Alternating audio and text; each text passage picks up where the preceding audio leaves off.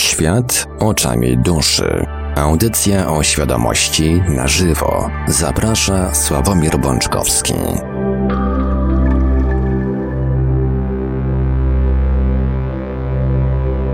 Kończy się nam dzień, który kiedyś e, żartobliwie nazywałem najpiękniejszym dniem tygodnia i chyba wciąż takim najpiękniejszym dniem tygodnia poniedziałek jest pierwszy dzień tygodnia, kiedy zawsze wszystko jakoś tak budzi się do życia i pędzi przez kolejne pięć dni pracować, uczyć się i tak dalej.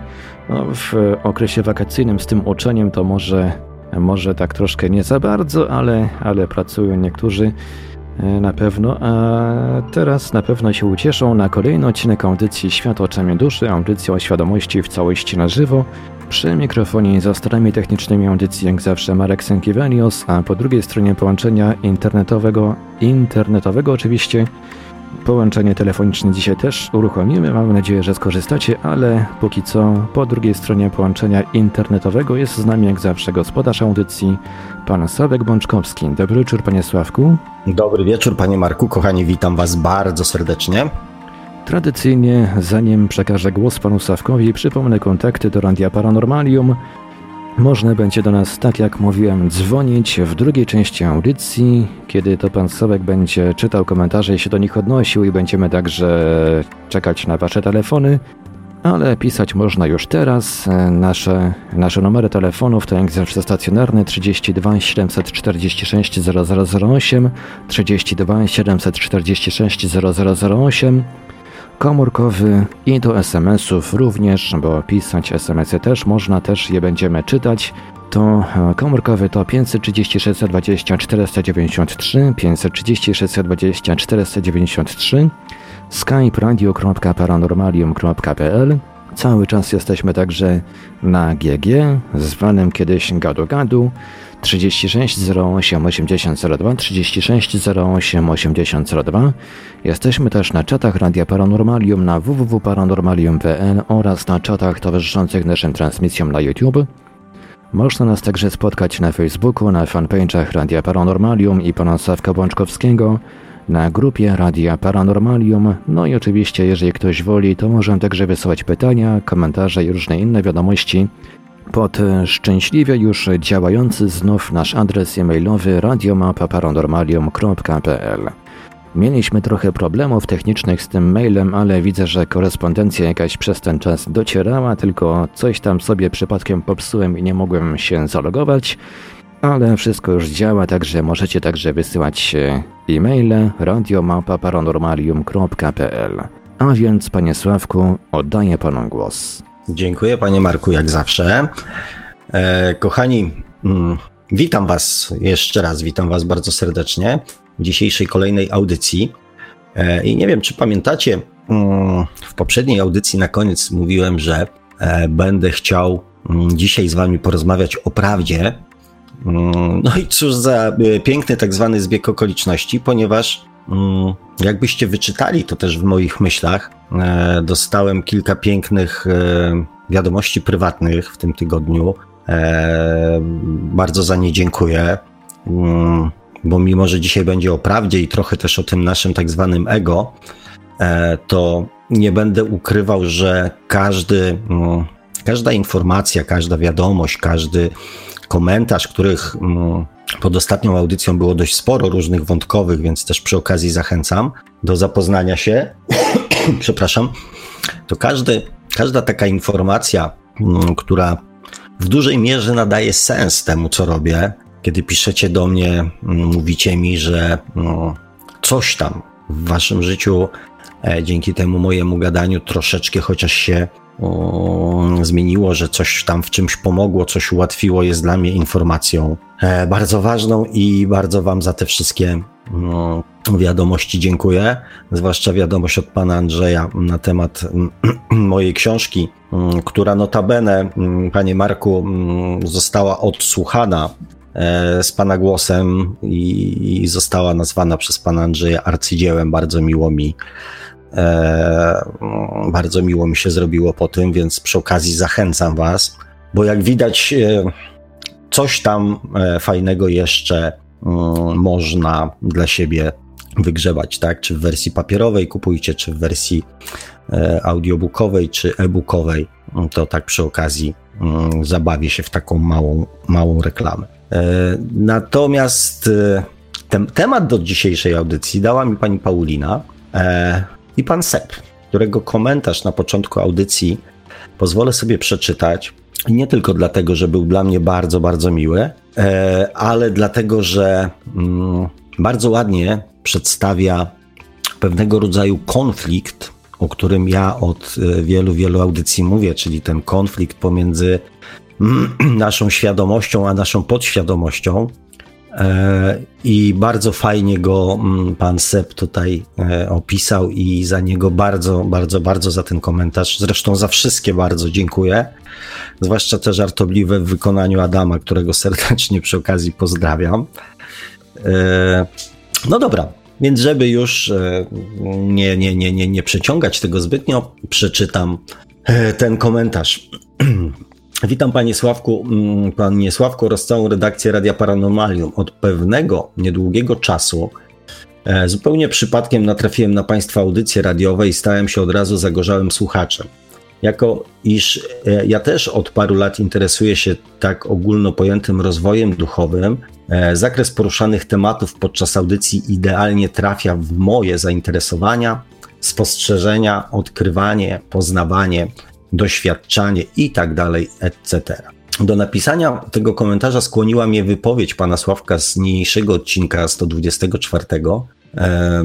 Panie Sławku, swoją wypowiedzią, w której przytoczył pan postrzeganie Boga według Spinozy trafił Pan w sam punkt, oczywiście w najlepszym słowa tego znaczeniu. E, ta wypowiedź oraz Pański dalszy komentarz były jakby jasnym i konkretnym wyjaśnieniem, szczególnie dla malkontentów i maruderów szukających, no właśnie, czego w kółko szukających. E, gdy słyszę pa Pańskie odniesienia do komentarzy z poprzednich audycji, E, to przed oczami mam tekst Potęgi Teraźniejszości, gdzie autor wspomina, jak Indianie opisywali przybyszów podbijających Amerykę. Właśnie ci przybysze, ci biali, mieli dziwny grymas twarzy, jakby cały czas czegoś szukali, jakby byli wiecznie niezadowoleni i pełni żądzy. Ten sam autor w swojej książce wspomina o mechanizmie ego, które mimo, że spełni swoje pozłacane i najskrytsze zachcianki, zawsze znajdzie e, odpowiedni moment, aby mimo wszystko powiedzieć w końcu ale. No. Niech pan e, mówi o sobie, że pańskie audycje mogą wydawać się nam jak flaki z olejem i tak dalej. Ma pan ciepły głos i stonowany głos, przy którym ja, jak i pewnie większość słuchaczy odpoczywa. Ja słucham audycji na części w drodze do, do i z pracy zgodnie z naszymi przekonaniami, myślami, zgodnie z naszą nieświadomą kreacją, gdzie wysługuje nas błędnie zaprogramowana podświadomość, tworzymy sobie rzeczywistość, w której żyjemy. W tej właśnie rzeczywistości spotykamy ludzi lustra. Lustra, w których odbijane, pokazywane są nasze słabości, stereotypowe przekonania, zachowania i niezałatwione rzeczy z samym sobą, te z przeszłości, które bolą jak knockout, do których wracamy i nie możemy sobie ich odpuścić.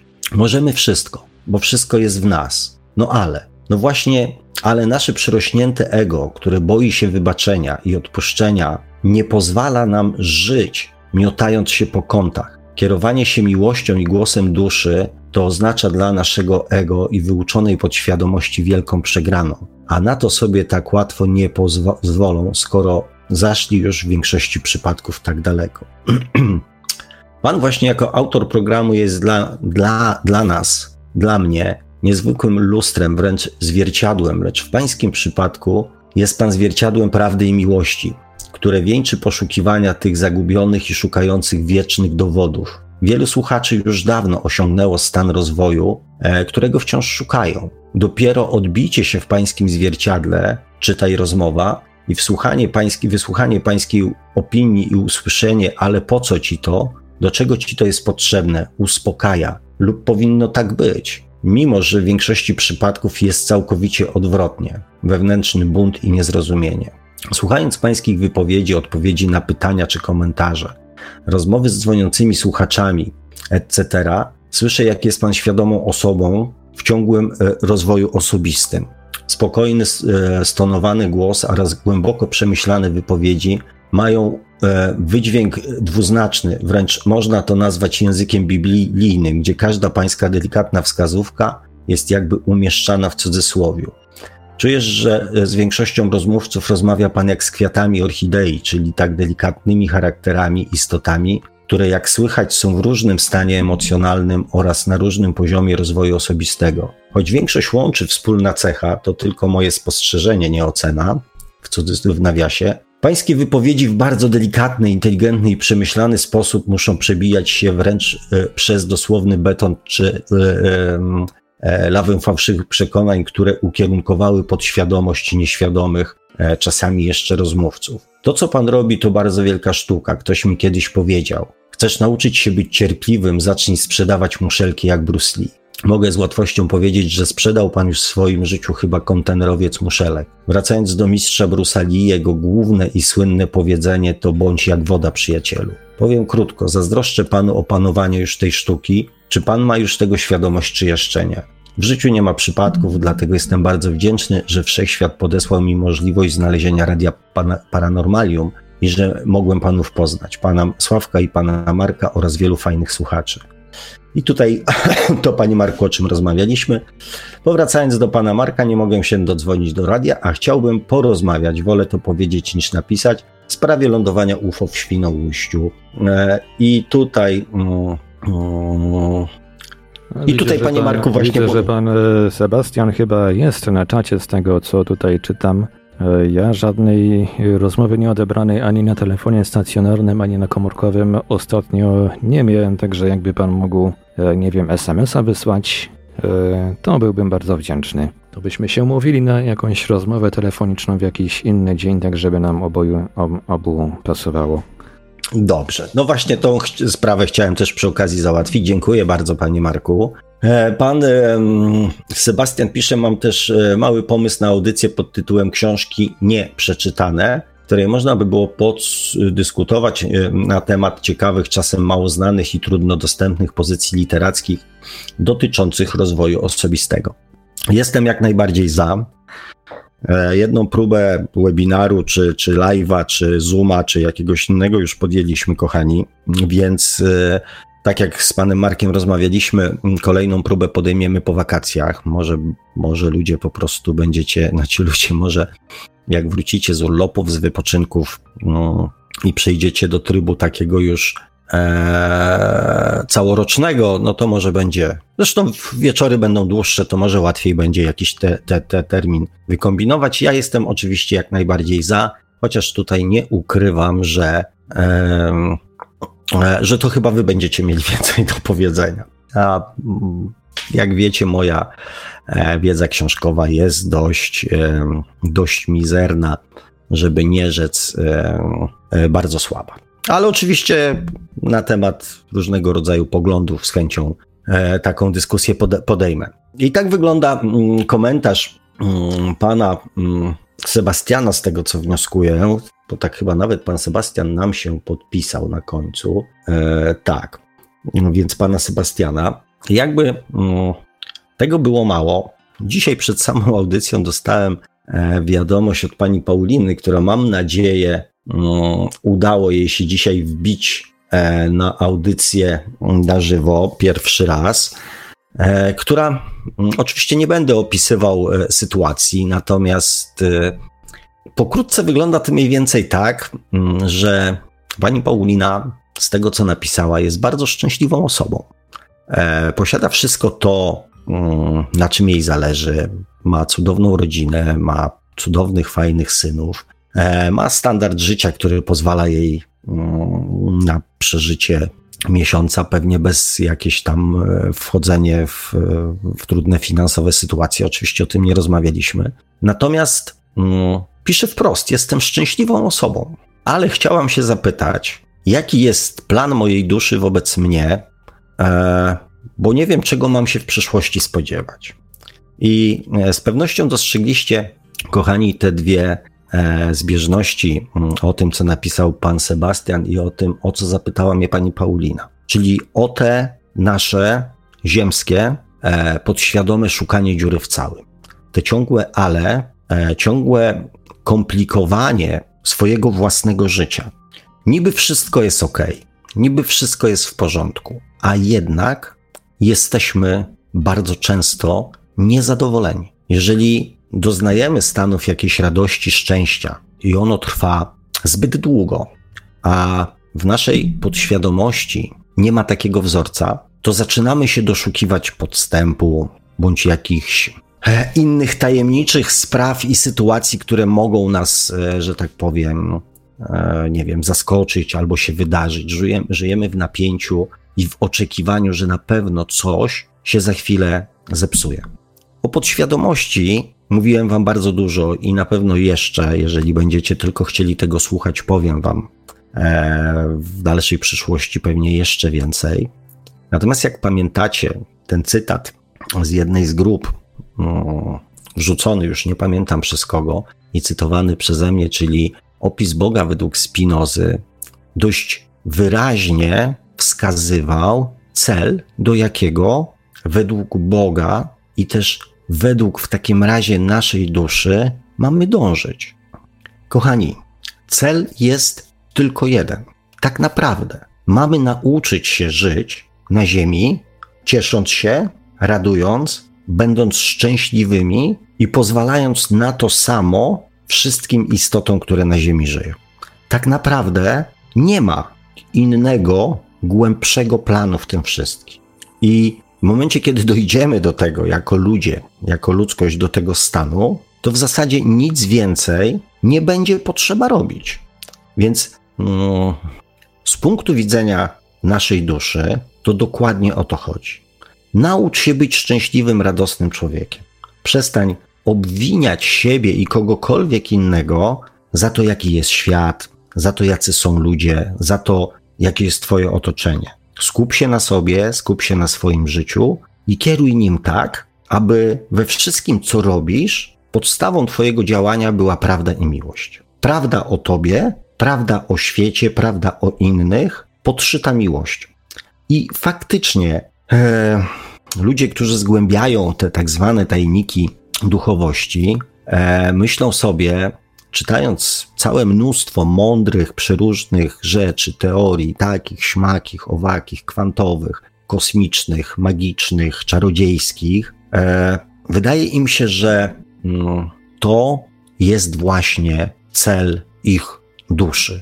Rozwój wiedzy na temat duchowości. A tak jak mówiłem w którejś audycji, na świecie żyje bardzo dużo uduchowionych osób, rozwiniętych duchowo, rozwiniętych świadomościowo, którzy nie mają o tym pojęcia, że są rozwinięci duchowo.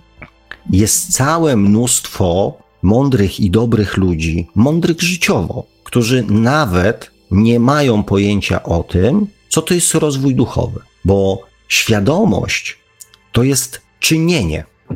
Świadomość i duchowość to jest stan emocjonalny. Ja powtarzam o tym wielokroć. To nie jest stan umysłowy, to jest stan emocjonalny, czyli czynienie dobrze, przynajmniej postępowanie wobec siebie i wobec innych, wobec chociażby zasady prawdy. Ja o tym powiem, jaka jest różnica, bo e, pewien problem, który powstaje między mną a czasami ludźmi, jest taki, że mm, ja poruszam pewne tematy, aspekty przez pryzmat prawdy, a ludzie tego nie rozumieją, ponieważ odbierają to poprzez pryzmat swojej własnej prawdy. Pamiętacie, jak zadawałem jakieś tam trudne pytania? O, nawet ostatnio, tak? Jaka jest różnica pomiędzy poświęceniem czasu dla siebie, a na siebie?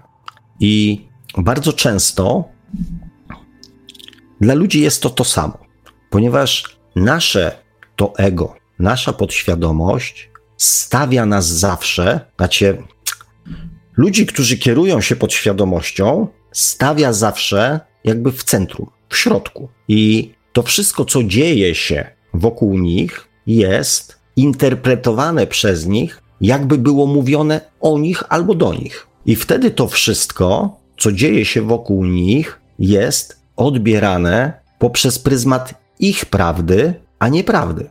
Jakie, jaka, jakie jest mm, właściwa odpowiedź na pytanie, które za chwilę zada. Czy już wiesz, co jest dla ciebie szczęście? Czy już wiesz, co jest dla ciebie szczęście? Czy już wiesz, jak masz rozwijać się duchowo? Czy już wiesz, jaki jest cel twojej duszy? Zostawię wam chwilę, żebyście się zastanowili nad tą odpowiedzią. I gro ludzi w takiej sytuacji, ludzi, którzy, którymi kieruje podświadomość, zaczynają odpowiadać na pytanie. Tylko jak brzmiało to pytanie? Pytanie brzmiało, czy już wiesz? I odpowiedź na to pytanie jest wiem, nie wiem, szukam, poszukuję, domyślam się, podejrzewam. Taka jest odpowiedź na to pytanie. Czy już wiesz? Nie, nie wiem. Albo tak wiem. I odpowiedź, jakby mm, właściwa na to pytanie, jest właśnie taka. W tej odpowiedzi, w tym pytaniu, nie oczekuję od nikogo odpowiedzi, jaki jest jego cel. Nie oczekuję od nikogo odpowiedzi, jaki jest cel jego duszy. Nie oczekuję odpowiedzi, co jest dla niego szczęście. Zadaję pytanie, czy już wiesz. I to jest różnica pomiędzy świadomością a podświadomością. Takich sytuacji można by mnożyć. Człowiek świadomy jest człowiekiem wolnym. Wolnym od emocjonalnej więzi, konotacji z tym, co mówi drugi człowiek do niego, ponieważ ma wewnętrzny spokój, który pozwala mu zrozumieć zadane pytanie, czy sformułowanie, czy, czy cokolwiek innego, co zostało wypowiedziane przez drugiego człowieka poprzez pryzmat prawdy, a nie poprzez pryzmat tego, że jego podświadomość nakazuje mu reagować tak, jakby ten ktoś mówił o nim. Taka jest, kochani, różnica pomiędzy świadomością a podświadomością. Podświadomość stawia nas w centrum. Wszystko, co się dzieje naokoło, kręci się wokół nas. Przynajmniej nam się tak wydaje. Nasza podświadomość tak to odbiera. I jeżeli na przykład mamy mało pieniędzy i ktoś rzuca pytanie, znaczy rzuca stwierdzenie, że ludzie biedni są jacyś tam, to tak jakby powiedział do nas bezpośrednio: jesteś taki a taki. To jest reakcja naszej podświadomości. Świadomość powoduje to, że nie myślimy o tym, jakby to było o nas, tylko myślimy o ludziach biednych. I albo się z tym możemy zgodzić, albo możemy się z tym nie zgodzić. Natomiast jeżeli reagujemy pod świadomością, to zgadzamy się z tym, jeżeli to dotyczy nas, i nie zgadzamy się z tym, jeżeli to dotyczy nas, nie ludzi biednych. Ludzie kierujący się pod świadomością wyłapują skąd, z całego zdania na przykład kilka słów i rozmawiają o słowach. Ludzie kierujący się pod świadomością na przykład reagują w ten sposób. Nie wiem, jesteś taki i taki, e, zrobiłeś to, zrobiłeś to, zrobiłeś to i podaje się siedem przykładów, w których ten człowiek coś zrobił. I podaje się ósmy, w którym się okazuje, że to nie do końca jego dotyczy, i on wtedy mówi: Nie, ale ja tego nie zrobiłem. I będzie się czepiał tylko tej jednej rzeczy, która jest tak jakby niezgodna z jego prawdą. Będzie się bronił. Człowiek świadomy powie tak, w tych siedmiu wypadkach masz rację, zrobiłem to, natomiast w tym ósmym no nie do końca się z tobą zgodzę, ponieważ. I kochani, podaję wam te przykłady mm, nie po to, żeby kogokolwiek, e, nie wiem, obnażać czy obrażać, czy komukolwiek co, cokolwiek udowadniać. Tylko mówię wam o tym, mm, żebyście po pierwsze mogli zastanowić się nad przyczyną swoich reakcji, swoich zachowań. Na ile mm, sami jeszcze dajecie się swojemu ego i swojej podświadomości motać czy miotać, jak napisał pan Sebastian, po różnych, że tak powiem, zakamarkach swojego życia, a na ile jesteście w stanie już świadomie e, reagować na rzeczy, które wokół was się dzieją. I też chcę wam pokazać, e, do czego warto jest dążyć, ponieważ właśnie świadomość pozwala pozbyć się tej więzi emocjonalnej z wypowiedziami i działaniami innych ludzi. Wiecie, czym to skutkuje? Spokojem. Ileż jest sytuacji w waszym życiu, kiedy inni ludzie, robiąc cokolwiek, ale nie w waszym kierunku, nie pod waszym adresem, budzą w was przeróżne emocje. Tak jakby to dotyczyło was. Zobaczcie, ile czasu moglibyście i emocji sobie w życiu oszczędzić, móc świadomie odcedzić to, co dotyczy was i reagować tylko na to, co dotyczy was, a przestać reagować na to, co nie dotyczy was. To jest bardzo często, o zobacz, zobacz, zobacz, zobacz, co ten debil zrobił. Boże, jaki to głupi człowiek jest. Jezu, jak on może? No przecież to jest głupie. Przecież jak tak można? Jak można się tak, nie wiem, zachowywać? Jak można się tak ubrać? Jak można tak wyglądać? Ileż takich sytuacji jest, w których wasza podświadomość reaguje, widząc coś i stawia was natychmiast w centrum tego wydarzenia. Tak jakby to wszystko, co się dzieje wokół was, dotyczyło was, a was zupełnie nie dotyczy. Ja nie mówię o znieczulicy, bo tak działa właśnie podświadomość, że być może część z was już w tej chwili właśnie wykonuje e, odruch obronny pod tytułem, no ale jakby ludzie nie reagowali, to byłaby znieczulica, a komuś się dzieje nieszczęście, a coś tam, a tu przestępca, a tu i tak dalej, i tak dalej. I od razu was pragnę uspokoić, że świadomość, czyli ten bezosobowy kontakt z tym, co się wokół was dzieje, powoduje, że jesteście w stanie ocenić przez pryzmat prawdy, po pierwsze, możliwości zrobienia z tym czegokolwiek, poza tym też takiej oceny jak najbardziej obiektywnej tego, co się dzieje, bo podświadomość, nasze ego bardzo często reaguje krytycznie na zachowania ludzi, które są niezgodne z naszymi poglądami, ale nie jest stuprocentową pewnością, że nasze poglądy są zgodne z prawdą. Żeby móc to w miarę skutecznie rozsądzić, trzeba być człowiekiem spokojnym, świadomym i niezwiązanym emocjonalnie z sytuacją. Czy mm, znacie sprawy, które się dzieją w sądach różnego rodzaju? Wiecie, dlaczego sąd ocenia różnego rodzaju sytuacje skłóconych stron? Ponieważ ludzie, którzy są zaangażowani emocjonalnie w daną sprawę, przestają być obiektywni, ponieważ widzą tylko swoją prawdę. Druga strona widzi tylko swoją prawdę, a dopiero sąd, który nie jest emocjonalnie związany z żadną ze stron, jest w stanie ocenić to obiektywnie. Nie jest związany emocjonalnie z żadną ze stron. I ten sam obiektywizm pojawia się w nas, ludziach, w momencie, kiedy przestajemy być emocjonalnie związany z tym, co się, y, y, emocjonalnie związani z tym, co się wokół nas dzieje. Wtedy pojawia się obiektywizm. Wtedy zaczynamy patrzeć na sytuację przez pryzmat prawdy. Pamiętacie te moje przykłady, kiedy ja e, mówiłem o tym, że jeżeli człowiek kierujący się podświadomością zawsze mówi, że jeżeli ktoś robi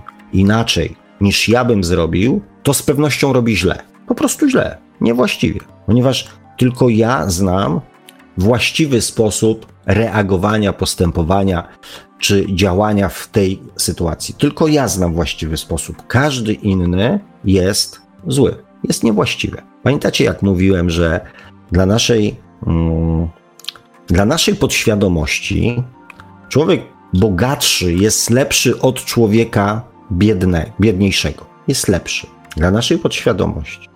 Człowiek sukcesu jest lepszy od człowieka, który odniósł porażkę. Profesor jest lepszy od docenta, a magister jest lepszy od licencjata. Człowiek wykształcony jest lepszy od człowieka niewykształconego, i tych przykładów można by było mnożyć. Jeżeli nie mamy z tym związku emocjonalnego, czyli nie porównujemy się, my, jeżeli nasze ego nie postawi nas w centrum i patrzymy, ten jest bogatszy, więc jest lepszy, ten jest biedniejszy, więc jest gorszy, to nasza dusza widzi to w ten sposób. Przez pryzmat prawdy wygląda to w ten sposób: ten człowiek ma więcej pieniędzy, a ten człowiek ma mniej pieniędzy. Ten jest bogatszy, a ten jest biedniejszy. Koniec. Prawda jest taka: nie jest ani gorszy, ani lepszy, jest tylko bogatszy od tego, co jest biedniejsze. W naturze jedno drzewo jest wyższe od drugiego, i to wyższe zbierając na przykład siłę wiatru, pozwala temu słabszemu na przykład się rozwijać w jego cieniu. Silniejszy, na przykład, nie wiem, osobnik stada jest w stanie obronić słabszego bądź chorego. Grupa jest w stanie obronić się przed na przykład, nie wiem, stadem wilków. Ale to, że ten jest silniejszy, sprawniejszy, młodszy, w żaden sposób w stadzie nie oznacza, że jest lepszy. Jest tylko silniejszy i młodszy.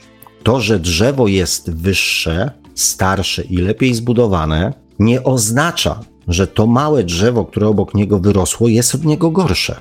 Jest tylko wyższe. Mało tego, w naturze umiejętności poszczególnych jednostek są wykorzystywane bardzo często z pożytkiem dla pozostałych jakby uczestników życia, czy to będzie roślinnego, czy to będzie zwierzęcego.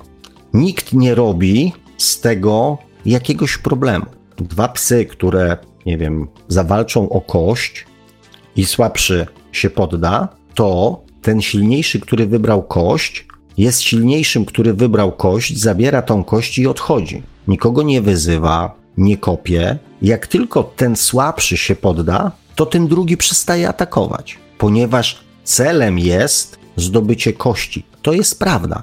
Chodzi o kość. Nie o udowodnienie komukolwiek, że się jest lepszym bądź gorszym, tylko o kość. Przez pryzmat prawdy chodzi o kość. I tak jest mm, w świecie naturalnym, w świecie istot pozbawionych mózgu, czy tam rozumu. To wszystko funkcjonuje na zasadzie prawdy. Nie ma żadnych dodatkowych dodatków.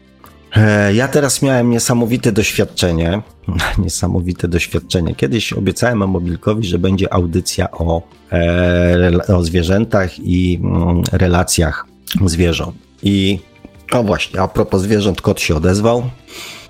Powiedz o zwierzętach, a kot się odezwie. Mm, mamy tutaj taką niesamowicie fajną sytuację, w której cztery nowe koty pojawiły się, dorosłe koty, dojrzałe koty, pojawiły się w otoczeniu mojego pieska, który notabene niedawno skończył roczek, który jest niesamowicie um, pogodną istotą, pozbawioną jakichkolwiek e, zapędów, takie, które my tutaj jako ludzie um, sobie, sobie często przypisujemy, tak? I obserwowaliśmy zachowania dwóch odmiennych gatunków zwierząt, znaczy gatunków to nie, dwóch od, od, odmiennych ras, z założenia antagonistycznych w momencie, kiedy nie ma agresji i strachu.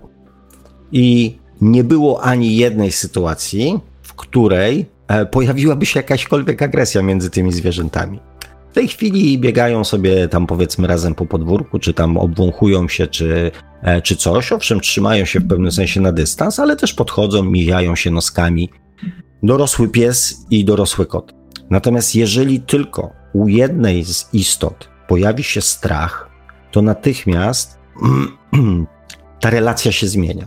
I chodzi tu o strach mm, w przypadku ludzi, no bo właśnie, świat zwierzęcy, świat roślinny czyli świat istot pozbawionych rozumu, nie wykorzystuje, znaczy nie, nie dokonuje jako, jakiejkolwiek oceny lepszy, gorszy. Więc co zmienia nas, ludzi, jaki czynnik powoduje, że my, chociaż wyżej rozwinięte istoty, umysłowo, intelektualnie, ble, ble, ble, ble, nie potrafimy ze sobą funkcjonować na płaszczyźnie prawdy. Co powoduje, że zaczynamy dokonywać tych ocen lepszy, gorszy? To jest właśnie nasze ego. To jest właśnie nasza podświadomość. To są te wzorce, które powodują, że albo czujemy się lepsi, albo czujemy się gorsi. Generalnie staramy się zawsze czuć lepsi. Wiecie, że są dwa sposoby, jak być lepszym od innych. Jeden sposób to jest bycie lepszym, a drugi sposób to jest udowodnienie drugiej osobie, że jest gorsza. Pierwszy sposób wymaga wysiłku, drugi jest fajny. Wystarczy komuś wmówić, że jest od nas głupszy, że jest gorszy, że mimo, że ma więcej pieniędzy, to i tak jest nieszczęśliwszy od nas, bo my to jesteśmy przynajmniej szczęśliwi, bo my to mamy czas, bo my to możemy to, bo my nie musimy tamtego, nie? No łatwo jest komuś wmówić. Znaczy, on oczywiście w to nie wierzy, wierzymy my, że mu wmówiliśmy, ale i tak jest nam lepiej. Jest bardzo fajny sposób, jak można poczuć się lepszy. I strach przed tym, że możemy być gorsi, powoduje w nas, w ludziach, tą agresję. Gdybyśmy przestali się porównywać i zaczęli wykorzystywać, jak bezumysłowe istoty żyjące wokół nas, możliwości naszych braci i sióstr, którzy są wyżsi, silniejsi, młodsi, zdrowsi, bogatsi, bardziej e, wykształceni, bez potrzeby porównywania się, ten świat byłby dużo lepszy. To, o czym napisał pan Sebastian w komentarzu. Nasze ego przestałoby nami miotać po różnych zakamarkach naszego życia. Gdybyśmy potrafili jako ludzie bezemocjonalnie, bez stawiania się w centrum wszystkiego, umieli bezemocjonalnie i obiektywnie przez pryzmat prawdy ocenić to, co się wokół nas dzieje. Gdybyśmy byli świadomi, gdybyśmy byli spokojni i gdybyśmy byli wolni, wolni od strachu, ten świat byłby dużo fajniejszy. I mm, kochani, żebyśmy też, żebyście mieli jasność, że ja nie namawiam was w żaden sposób do jakiejś heroicznej, do dążenia do jakiejś heroicznej, bezwarunkowej miłości, która tak na dobrą sprawę nie wiem, co znaczy. Ja, kochani, chciałbym, chciałbym, tak, chciałbym zobaczyć ludzi spokojnych, rozmawiać z ludźmi, którzy nie myślą, że wszystko, o czym ja mówię i każdy przykład, który daję, to jest o nich. Ludzi świadomych, którzy słuchają całej wypowiedzi i oceniają, dokonują analizy poprzez pryzmat prawdy, nie wewnętrznych, emocjonalnych konotacji. I chciałbym, żebyście też przez to, przez to dostrzeżenie e, zalet bycia osobami świadomymi, żebyście po prostu do tego dążyli. Nie w sposób taki mentalny, nie w sposób taki umysłowy,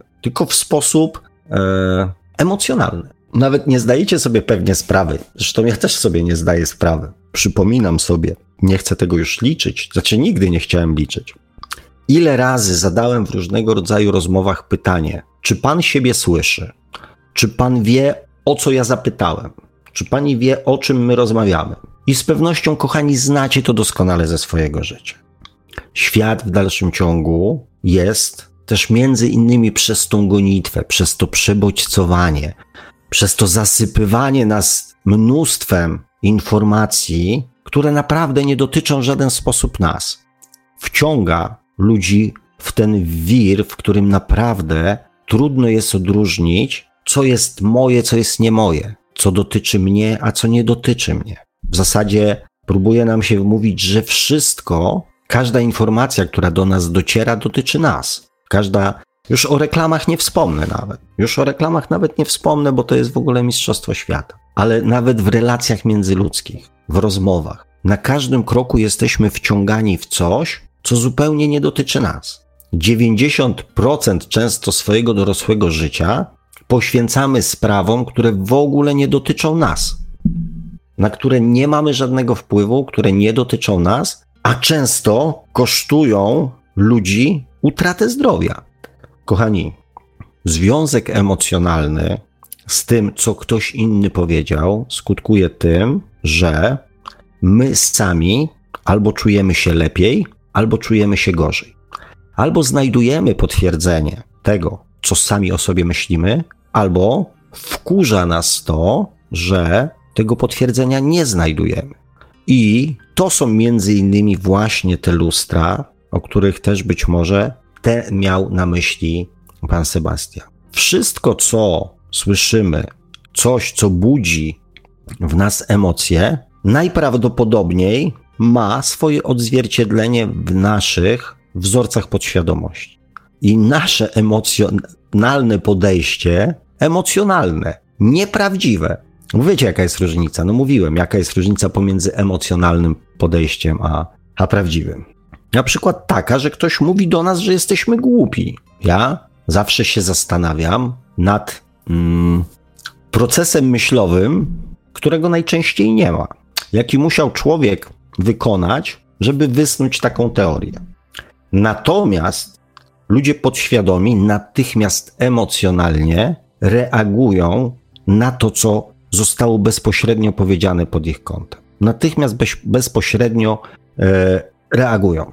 Ja już o tym mówiłem. Wiele z tych informacji, które docierają do nas na nasz temat, nie ma nic wspólnego z nami, a raczej z tym, kim jest nasz rozmówca, jakie są jego poglądy, jaka jest jego prawda, jakie są jego przekonania. On wyraża siebie.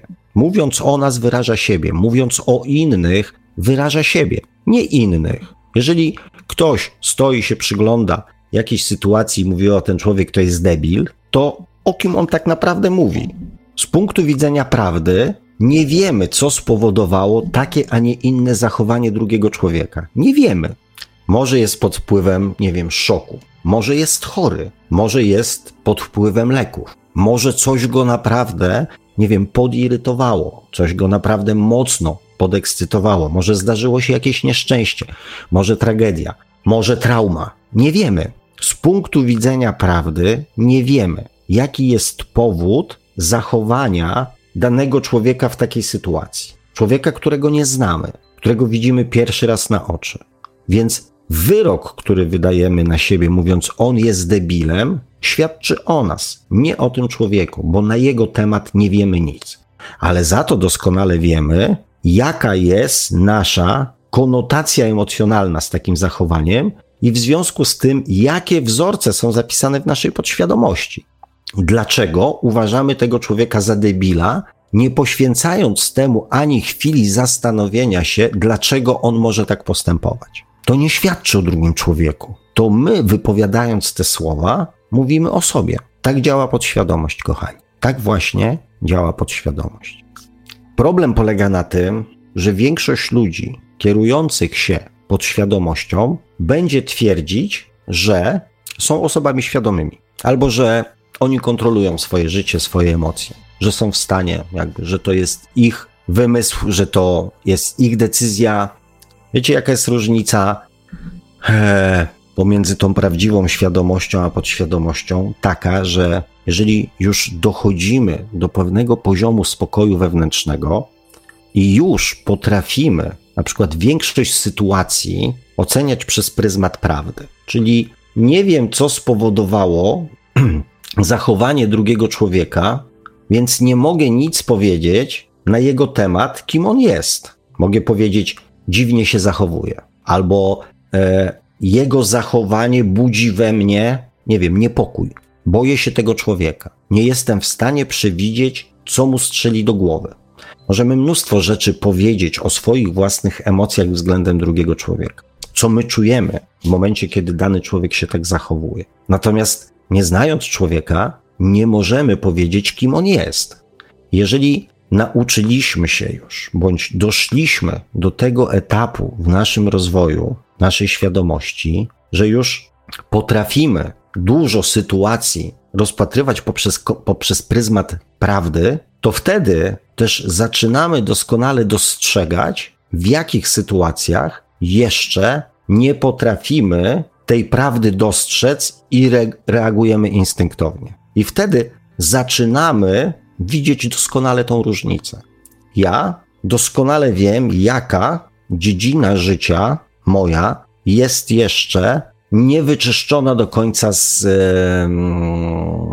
z odruchów podświadomościowych. To są moje sprawy zawodowe. To jest moja praca zawodowa. I doskonale widzę tą różnicę, kiedy wchodząc w pewne sytuacje, zaczynam zachowywać się jak automat. Kiedy wpadam już w pewien wir i już wszystko się dzieje automatycznie. I chciałbym za za zachować się inaczej, czasami na przykład, i nie jestem w stanie. Pewne działania, zachowania, postępowanie ludzi budzi we mnie już konkretne emocje, którymi ja sobie jeszcze nie zawsze jestem w stanie jakby poradzić. Kiedy reaguję odruchowo. Natomiast, żeby zacząć tę sytuację jakby wyłuskiwać, tak? Czyli okej, okay, tu już patrzę na tą sytuację przez pryzmat prawdy. Na przykład przez pryzmat prawdy patrzę na swoich bliskich. Od tego proponuję zacząć.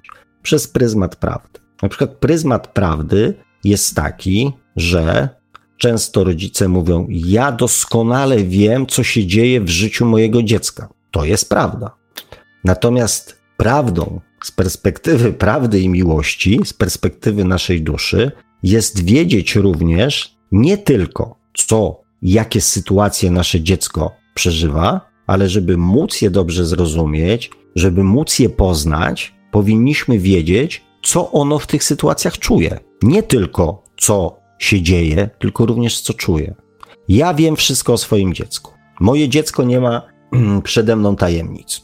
Więc mm, warto na tym poletku rodzinnym e, sobie tą prawdę, kochani, poćwiczyć. Czy nasi bliscy nie mają przed nami tajemnic? Czy nasi bliscy nam bezgranicznie ufają? Czy nasi bliscy odbierają to, co my robimy w taki sposób, jak nam się wydaje, że to robimy?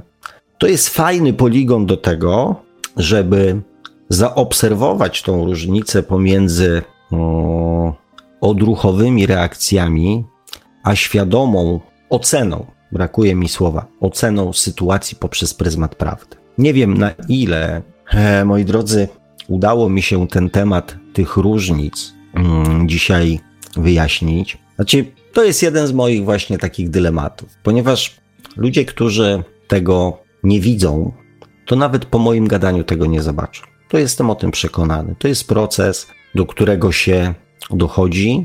No i tak, to nie jest proces, który. Hmm, a czy nie wiem.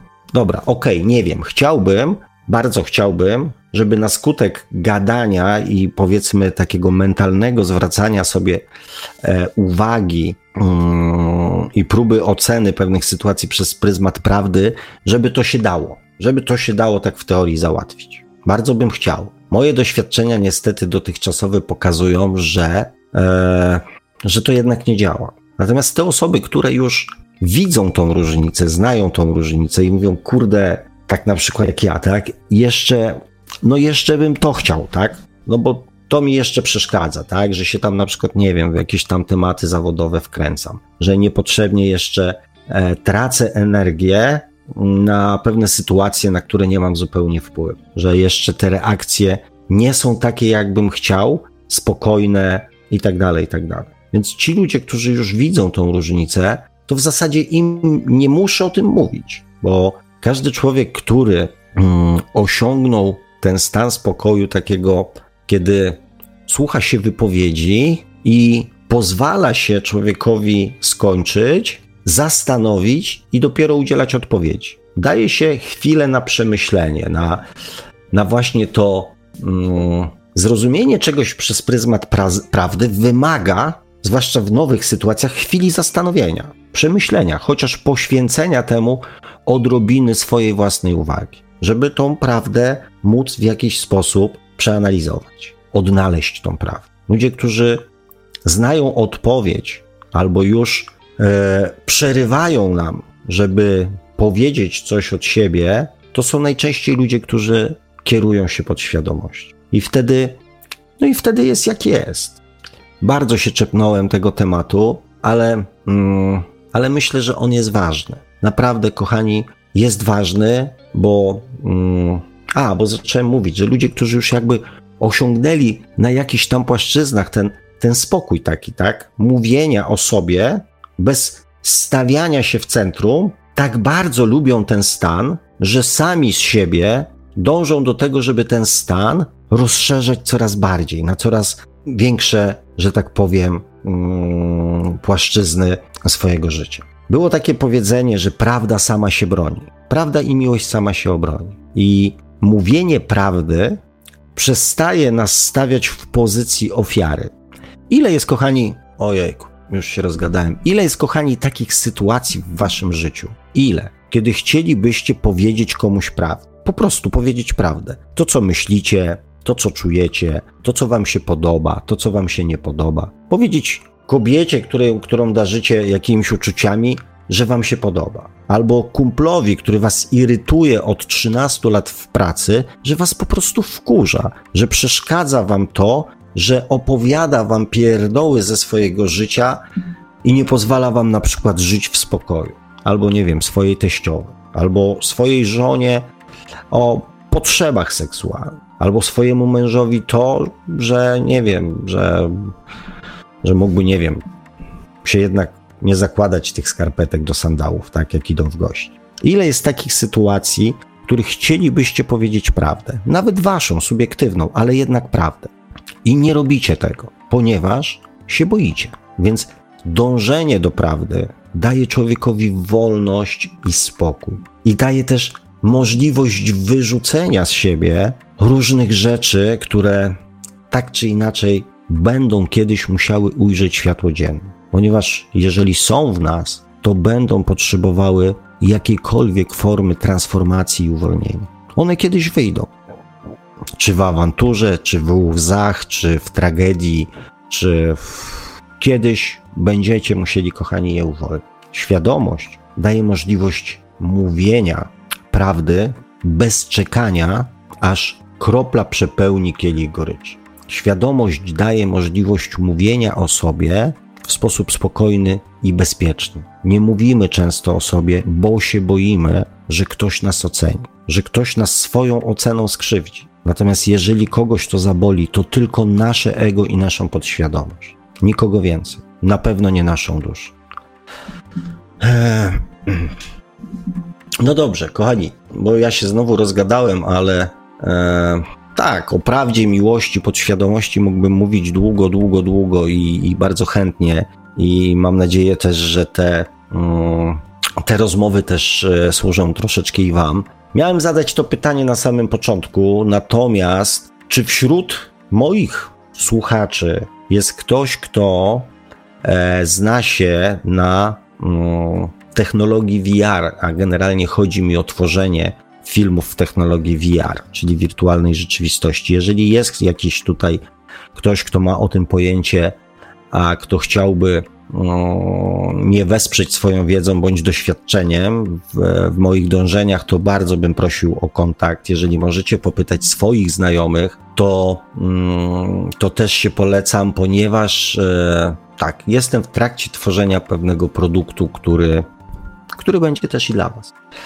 E, także kochani, to, to tyle moja, moich słów, prośby na koniec. Dziękuję Wam za cierpliwość. No i cóż, nie wiem jak wygląda sytuacja z komentarzami. E, no dobrze, parę jest, więc e, robimy króciutką przerwę, kochani. Para, nawet trochę więcej niż parę. Tak? A, no to dobrze. Ja pójdę się napić kompotu z wiśni. Wyjdźcie w moje ślady i spotykamy się tam za minut kilka. Za około 6 minut z hakiem, e, takim nawet troszkę dłuższym, bo to jeszcze może puszczę dżingiel, żeby dać panu Sławkowi trochę więcej czasu na delektowanie się temu, tym kompotem. A zagranym za chwilę w przerywniku muzycznym Owen Ferguson, podpisujący się jako Onzi. E, wyemitujemy utwór The Horizon Hidden in Our Movements. Radio Paranormalium, paranormalny głos w Twoim domu. E, nigdzie się nie wybierajcie, no chyba, że do lodówki, albo jakoś, e, nie wiem, do lodówki, do toalety, gdziekolwiek na taras, poddychać świeżym powietrzem. I słyszymy się już za chwilę ponownie w drugiej części audycji Światło oczami duszy. W części, w której będziemy, e, pan Sowek będzie czytał komentarze i się do nich odnosił, no i będziemy także jak najbardziej czekać na Wasze telefony. Radio Paranormalium, paranormalny głos w Twoim domu. Zostańcie Państwo z nami.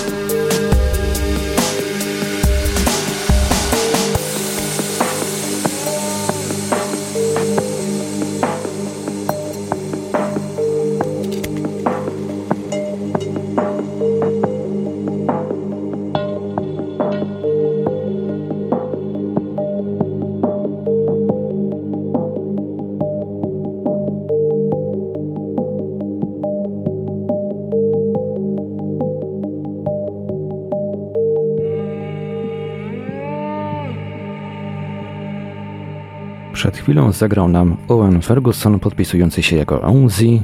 Wyimitowaliśmy utwór zatytułowany The Horizon Hidden in Our Movements. A po przerwniku muzycznym w Radio Paranormalium, jak zawsze, wracamy do drugiej części audycji Świat oczami duszy, do tej części, w której pan Sławek Bączkowski będzie czytał komentarze i się do nich odnosił, no i będziemy także jak najbardziej czekać na wasze telefony. Nasza linia telefoniczna jest już otwarta. Można dzwonić pod e, nasze dwa numery. E, stacjonarne 32 746 0008, 32 746 0008, komórkowy 536 20 493, 536 20 493 i posiadaczom telefonów komórkowych e, raczej e, gorąco zachęcam e, posiadaczy telefonów komórkowych do dzwonienia właśnie na numer komórkowy. Może się włączyć podczas rozmowy tak zwane HD Voice, czyli mm, co oznacza, że będziemy się dużo, dużo lepiej słyszeć. Tak więc jeszcze raz, nasz numer komórkowy to 536 20 493 Skype radio.paranormalium.pl Można także do nas pisać na GG pod numerem 36 08 8002 36 08 8002 Jesteśmy także na czatach Radia Paranormalium na www.paranormalium.pl oraz na czatach towarzyszących naszym transmisjom na YouTube. Można nas także spotkać na Facebooku, na fanpage'ach Radia Paranormalium i pana Sławka Bączkowskiego, na grupie Radia Paranormalium a jeżeli ktoś woli, to możemy także wysłać pytania, komentarze i różne inne wiadomości odnoszące się do naszej audycji na nasz adres e-mail radiomapa.paranormalium.pl Dziękuję Panie Marku. Pod, podłączam się jak zawsze do prośby o dzwonienie, e, bo, bo komentarzy trochę jest, ale jak zwykle mm, na początku mamy przywitania, ADR, krótka wymiana z panem Markiem na temat e, języka polskiego. E, DR, Astra, Nina Dark, pan Sebastian, widzę Hanka, Paulina, o pani Paulina tutaj do nas dołączyła, e, Aleksandra, Jakub Jakub, Equilibrium e, się tutaj z nami przywitali. Mm, pan Sebastian pisze, a Tasp jeszcze bardzo ładnie napisał, czas, dobry czas, żeby poświęcić na siebie. Super. Cieszę się, że jest jakiś oddźwięk po ostatniej audycji. Pan Sebastian pisze, słucham i śmieję się w duszy, sam bym lepiej tego nie przeczytał, mimo że napisałem.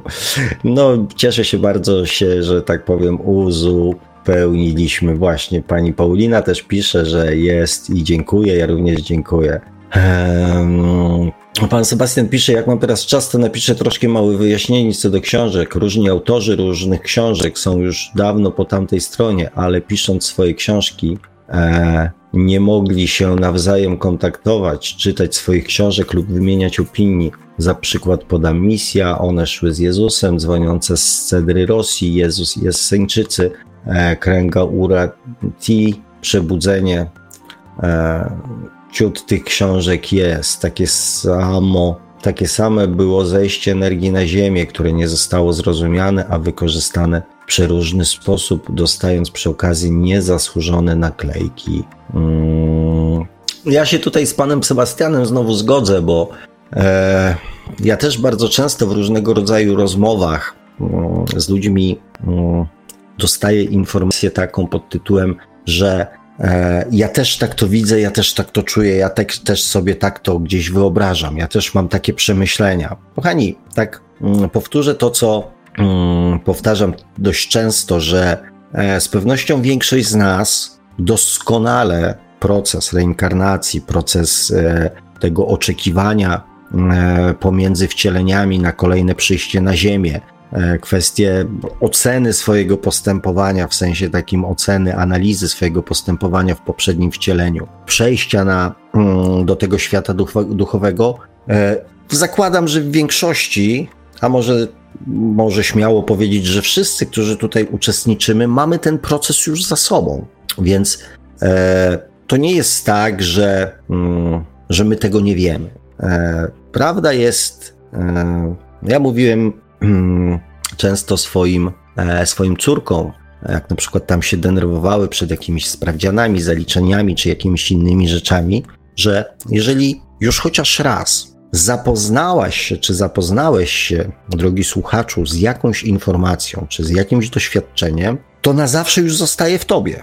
Sprawy ziemskie zostają do końca naszego życia w naszym umyśle. Kwestia jest tylko, żeby znaleźć sposób, aby je sobie przypomnieć.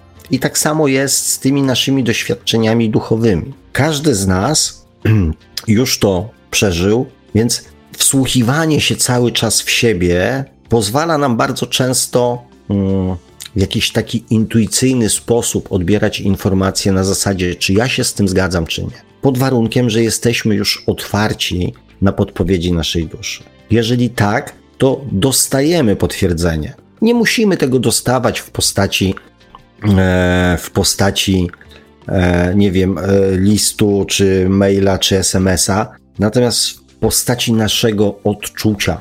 Więc E, ludzie, pisarze, ludzie, gro ludzi, którzy w jakikolwiek sposób udziela się, mm, czy udzielało się w kategoriach przekazywania jakichś informacji, e, mniej bądź bardziej, w moim przekonaniu, było blisko prawdy. Ja mówię o tych takich mm, ludziach, którzy do przemyśleń, do pewnych rzeczy wiedzę czerpali z samych siebie. Bo jest mnóstwo osób, które coś wyczyta w iluś tam miejscach, coś sobie tam poukłada, coś od siebie doda, coś tam prze, e, e, przekombinuje i, e, i przekazuje tą informację dalej. To ja nie mówię o tych ludziach, tak, którzy czerpią wiedzę z innych książek, a tylko zbierają je w jedną i mówią, że, że mają jakieś tam przemyślenia. Ludzie, którzy już zagłębiają się w siebie, bądź mają tą świadomość i intuicję na tyle rozwiniętą, żeby te informacje przyjmować, to w moim przekonaniu, w moim przekonaniu prawda jest tylko jedna, źródło jest tylko jedne i to, co się dzieje e, z nami e, w świecie duchowym jest tylko jedno, więc, więc nie może być iluś wersji. Natomiast sposób podania, sposób przekazania tej informacji będzie zazwyczaj taki sposób będzie bliższy tej osobie, inny sposób będzie bliższy innej osobie, więc no nie ma jednego idealnego e, miejsca informacji, chociaż ja się bardzo staram. E, mm, I pan Sebastian pisze mm, jeszcze Potęga Teraźniejszości oraz Kurs Cudów, trzy tomy, gdzie obowiązkowe jest przeczytanie wprowadzenia do tych ksiąg przed rozpoczęciem lektury, ukazują się już, że jest nas dwóch, my i e, ego. Szczęście, umiejętność wdzięczności. Hmm. Ja jeszcze tu przez, przez pana Andrzeja dostałem mm, propozycję przeczytania jednych z książek, czyli Wędrówka Dusz. E, więc dopisuję do tej listy, gdybyście kochani chcieli mm, w jakichś innych źródłach niż moje mm, zdobywać wiedzę. Hanka pisze, jest bardzo prosty sposób na sprawdzenie, jak bardzo jesteśmy centrum. Po prostu wystarczy wyjść na ulicę i krzyknąć: Mam mało pieniędzy. E, E, ulica mu odpowie, a co nas to mm, obchodzi. Nie o taki sposób mi chodziło, no ale okej. Okay. Mm. E, pan Sebastian pisze, po co to przyciągać nawet coś tam udowadniając. Nie ma sensu nadawać temu energii i puszczać takie słowa we wszechświat.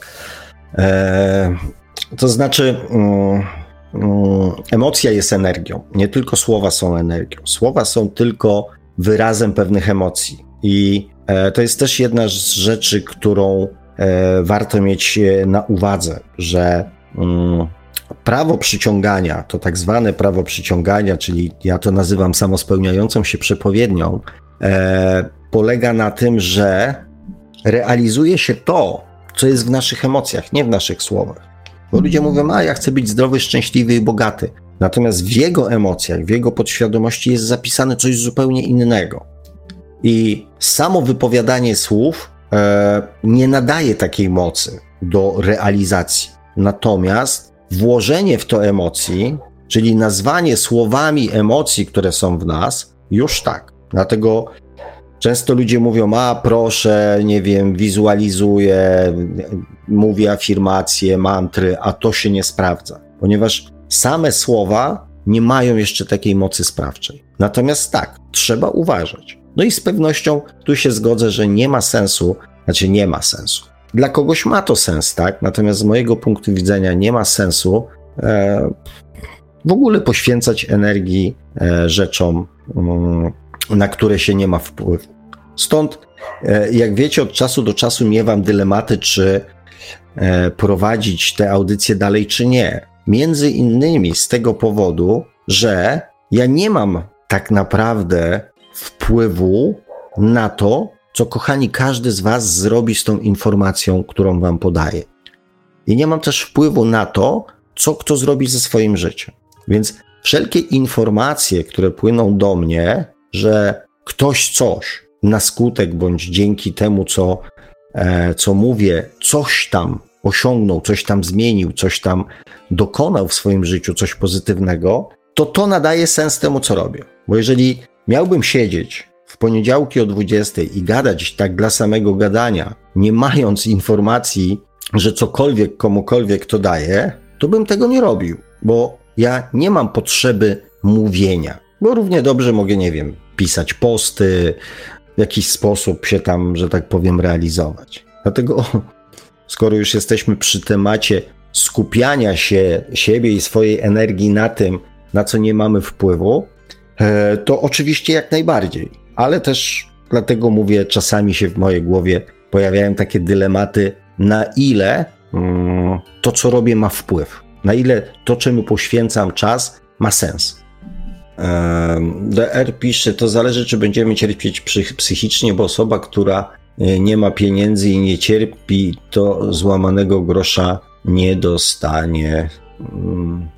Nie rozumiem tego. Hanka pisze, jeszcze można usiąść, może usiąść z czapką i wtedy e, może dostać. Wszystko zależy od intencji tej osoby. Dobrze, nie bardzo, a pewnie to się odnosi do jakiegoś e, czegoś, co ja powiedziałem, ale ja już nie bardzo pamiętam, którego fragmentu to do, dotyczyło, więc e, ciężko mi będzie się do tego odnieść. Hanka pisze, to zależy, jakie emocje nami miotają, jak chorągiewką na wietrze. E... Tak się zastanawiam, kochani, ile jest osób, które są świadome emocji, jakie nią motają jak chorągiewka na wietrze. Ciekawy jestem, ile jest osób takich, które mają świadomość tego, jakie emocje nimi e, targają. Ja wam powiem szczerze i uczciwie, że ja tego nie wiem, tak w stu procentach. Bo to nie jest takie proste, żeby do wszystkich swoich emocji, żeby wszystkie je rozpoznać i zrozumieć. To jest proces, w którym ja jeszcze od czasu do czasu coś odkrywam. Pewnych emocji, które mną targają, jestem świadom, ale jak mogę być świadom tego, czego nie jestem świadomy, skoro nie wszystkie moje reakcje i zachowania są takie, jakbym chciał. Natomiast w samym założeniu to jest fajny slogan. Tak, to zależy, jakie emocje e, nami miotają jak chorągiewki na wietrze. Natomiast dla mnie nie sztuką jest stwierdzić, że to zależy, tylko pewnego rodzaju um, fajną rzeczą jest spróbować te emocje rozpoznać. Przynajmniej rozpoznać. Eee, DR pisze, nikt nie chce cierpieć. Mm, no więc i tu się nie zgodzę. To jest kolejna rzecz, e, to jest kolejna rzecz, która, którą spróbujcie, kochani, to stwierdzenie nikt nie chce cierpieć, spróbujcie ocenić przez pryzmat prawdy. Zróbmy sobie taki mały eksperyment. Nikt nie chce cierpieć. To dlaczego cierpi? To dlaczego ludzie cierpią? Bo co? Bo jest jakiś czynnik zewnętrzny, który zmusza ich do cierpienia? Ja rozumiem, cierpienie fizyczne. Ktoś kogoś uderzył, ktoś kogoś głodzi, ktoś kogoś związał, ktoś komuś wyrządza krzywdę fizyczną. Tak, cierpienie fizyczne na skutek czynników zewnętrznych niezależnych od mojej decyzji, od, od tego, co ja chcę. W świetle prawdy nikt nie chce cierpieć jest nieprawdą, bo skoro nie chcesz cierpieć i wiesz już, drogi słuchaczu, droga słuchaczko, że nie musisz cierpieć, że nikt od ciebie tego cierpienia nie wymaga. Więc dlaczego cierpisz? Bo nic z tym cierpieniem nie zrobiłeś. Wiele osób wypowiada negatywne afirmacje. Ja nie chcę cierpieć. To jest negatywna afirmacja. Ja nie chcę cierpieć. Czemu skupiasz swoją uwagę, mój drogi słuchaczu, droga słuchaczko, na tym, czego nie chcesz? Skoro to, do czego przywiązujesz swoją uwagę, jest czymś, co przyciągasz do swojego życia. Dlaczego nie skupisz swojej uwagi na tym, czego chcesz? Chcę być szczęśliwy, chcę być radosny, chcę być zadowolony, chcę być wesoły, chcę się uśmiechać. Wszystko, co w nas jest, jest naszym pragnieniem. I nieważne, czy mamy tego świadomość, czy nie. To, co w nas żyje, każda emocja domaga się realizacji, a im silniejsza, tym będzie się realizować w pierwszej kolejności. Więc skoro nie chcesz cierpieć i nikt cię do tego cierpienia nie zmusza oprócz ciebie samego, to kto to może zmienić? Kto może zmienić cierpienie w radość? Tylko ty. Więc w tej chwili, kochani, wszyscy ci, którzy cierpią, stają przed prostym wyborem, ponieważ mnie już jakby nie wmanewrujecie w stwierdzenie, ja nie chcę cierpieć. Więc może najwyższy czas powiedzieć sobie to samemu, ja nie chcę cierpieć. I może to jest najwyższy czas, żeby coś zacząć z tym robić. Gdyby dziecko w wieku około roku powiedziało, ja nie umiem chodzić, to spędziłoby resztę życia w wózku albo na podłodze. Ja nie umiem mówić, ja nie umiem siedzieć, ja nie umiem myśleć. Samo stwierdzenie, czego się nie chce, nie rozwiązuje problemu. Wprost przeciwnie, podsyca tylko nasze wewnętrzne pragnienie, które już w nas jest, bo gdyby w nas go nie było, to co? To nigdy nie wypowiedzielibyśmy takich słów. Jeżeli wypowiadamy słowa ja nie chcę cierpieć, to potrzeba cierpienia w nas jest. Jeżeli zaczniecie mimowolnie, odruchowo wypowiadać słowa chcę być szczęśliwy, chcę być zadowolony, chcę być uśmiechnięty, chcę być spełniony, chcę być wesoły, czy chcę być wesoła, radosna, uśmiechnięta, to będzie świadczyło o tym, że potrzeba bycia wesołym, wesołą, uśmiechniętą, uśmiechniętym, szczęśliwą, szczęśliwym pojawiła się w waszych emocjach. Także może to jest dobry czas, żeby sobie w końcu powiedzieć: Ja nie chcę cierpieć, ja chcę być szczęśliwy. Może zamienić to niby bardzo podobne w znaczeniu słowa, chociaż w świetle prawdy, gdybyśmy wyobrazili sobie taką siłę sprawczą, taką naszą duszę, takiego anioła stróża, który, z którym się spotykamy, nie wiem, raz w tygodniu, w sobotę po południu. Nie, w soboty to tam się imprezuje, to nie. To w poniedziałek. Zamiast audycji w Radio Paranormalium umówcie się ze swoim aniołem stróżem. Takim tym symbolicznym, opiekunem duchowym, jakimś tam, kogo sobie tam wyobrażacie, tak? Z samym Bogiem się możecie umówić. I powiedzcie mu, czego nie chcecie. Powiedzcie, wywalcie po prostu, czego nie chcecie. I zanim wyobrazicie sobie jego minę, to wyobraźcie sobie taką sytuację, że przychodzi do was dziecko, wasze własne kochane dziecko. Zbliżają się jego urodziny i idziecie do dziecka, bo go kochacie przecież. I mówicie: Dziecko moje drogie, kochane, najukochańsze, najwspanialsze, co chcesz dostać na swoje najbliższe urodziny? I dziecko mówi: Nie chcę samochodzika, nie chcę konsoli, nie chcę telefonu, nie chcę pieniędzy. Eee, jeszcze tego nie chcę, tego nie chcę, tego nie chcę, tego nie chcę. Hmm. I teraz wyobraźcie sobie minę waszego anioła stróża. I przypomnijcie sobie swoją minę w momencie, kiedy słyszycie coś takiego od własnego dziecka. No dobra, to teraz już ustaliliśmy, czego nie chcesz. Ale co ja mogę dla ciebie zrobić? Czego ode mnie oczekujesz? Co ja mogę ci dać? Na razie wiem tylko, co ci się nie podoba, co nie chcesz, czego nie lubisz. Więc jak mam spełnić Twoją prośbę, jak mam Ci pomóc, skoro Ty mi przez 20, 30, 40, 50 lat swojego życia nie powiedziałeś, czego chcesz. Tylko za każdym razem, jak się widzimy, mówisz mi o tym, czego nie chcesz. Hello. Mam nadzieję, że na następnej rozmowie z waszym aniołem stróżem zaczniecie mówić, czego chcecie. Der pisze, Buddha skomentował to krótko. Nie należy oceniać ani dobrze, ani źle, bo każda ocena kogoś jest e, negatywnie odbierana, czego nie każdy jest świadomy. E, co ja mam tu powiedzieć? No, jeżeli przypomnicie sobie swoją szkołę hmm, i zasady oceniania, jeżeli już mamy się czepnąć tego, to czy skupić na tym słowie. Ktoś nas czegoś uczył i co jakiś czas sprawdzał, na ile przyswoiliśmy wiedzę z tego, co on nas próbował nauczyć.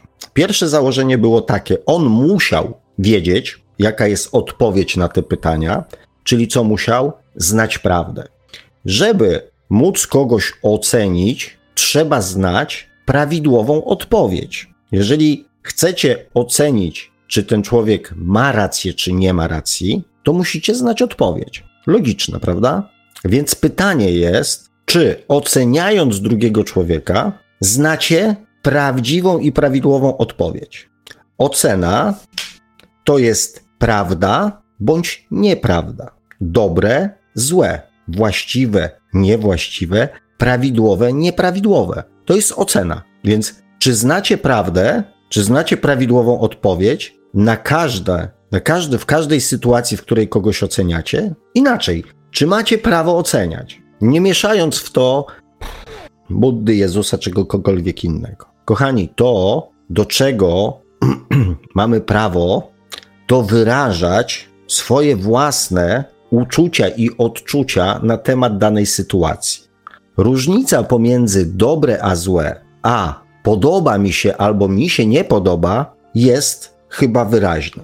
Żeby powiedzieć dobre, złe, trzeba znać prawdę. Żeby powiedzieć podoba mi się bądź mi się nie podoba, zgadzam się z tym, nie zgadzam się, fajne dla mnie bądź niefajne, to jest wypowiadanie z założenia, wypowiadanie swojej opinii, subiektywnej opinii, przepraszam, na temat tego, co widzimy, co słyszymy. To jest nasza subiektywna opinia. I do tego oczywiście każdy człowiek ma prawo do wyrażania siebie. Żeby oceniać, trzeba znać właściwą odpowiedź, trzeba znać prawdę, nie subiektywną prawdę. To jest tak jak e, nauczyciel, nie wiem, z matematyki, mm, by oceniał zadanie nie po wyniku matematycznym, tylko po charakterze pisma. O, podoba mi się, jak napisałeś. O, szlaczek tutaj jest, to serduszko na końcu. Subiektywna ocena. Czy to ma sens? Nie ma. Nauczyciel, żeby móc powiedzieć, czy ktoś dostał piątkę, czy dwójkę, musi znać właściwe odpowiedzi, czy właściwe rozwiązania, jedyne właściwe, nie subiektywne, jedyne właściwe rozwiązania danego zadania. Wtedy może powiedzieć, czy to jest dobrze, czy źle. Więc zastanówcie się, kochani, czy my jako ludzie znamy tą prawdę, czy wy znacie tą prawdę, czy właściwą odpowiedź, żeby móc oceniać. Czy tylko pozostawić sobie i innym prawo do mówienia o sobie, czyli czy mi się to podoba, czy mi się nie podoba. I tu jest też różnica pomiędzy zachowaniem podświadomym a świadomym, bo przychodzimy na imprezę na przykład i ktoś mówi: Nie podoba mi się Twoja sukienka, albo nie podoba mi się Twój garnitur. Osoba świadoma mówi: Aha, dzięki, że podzieliłeś się ze mną, albo nawet nie dzięki, okej, okay, no, no nie podoba ci się, no i co ja mam w związku z tym, tak?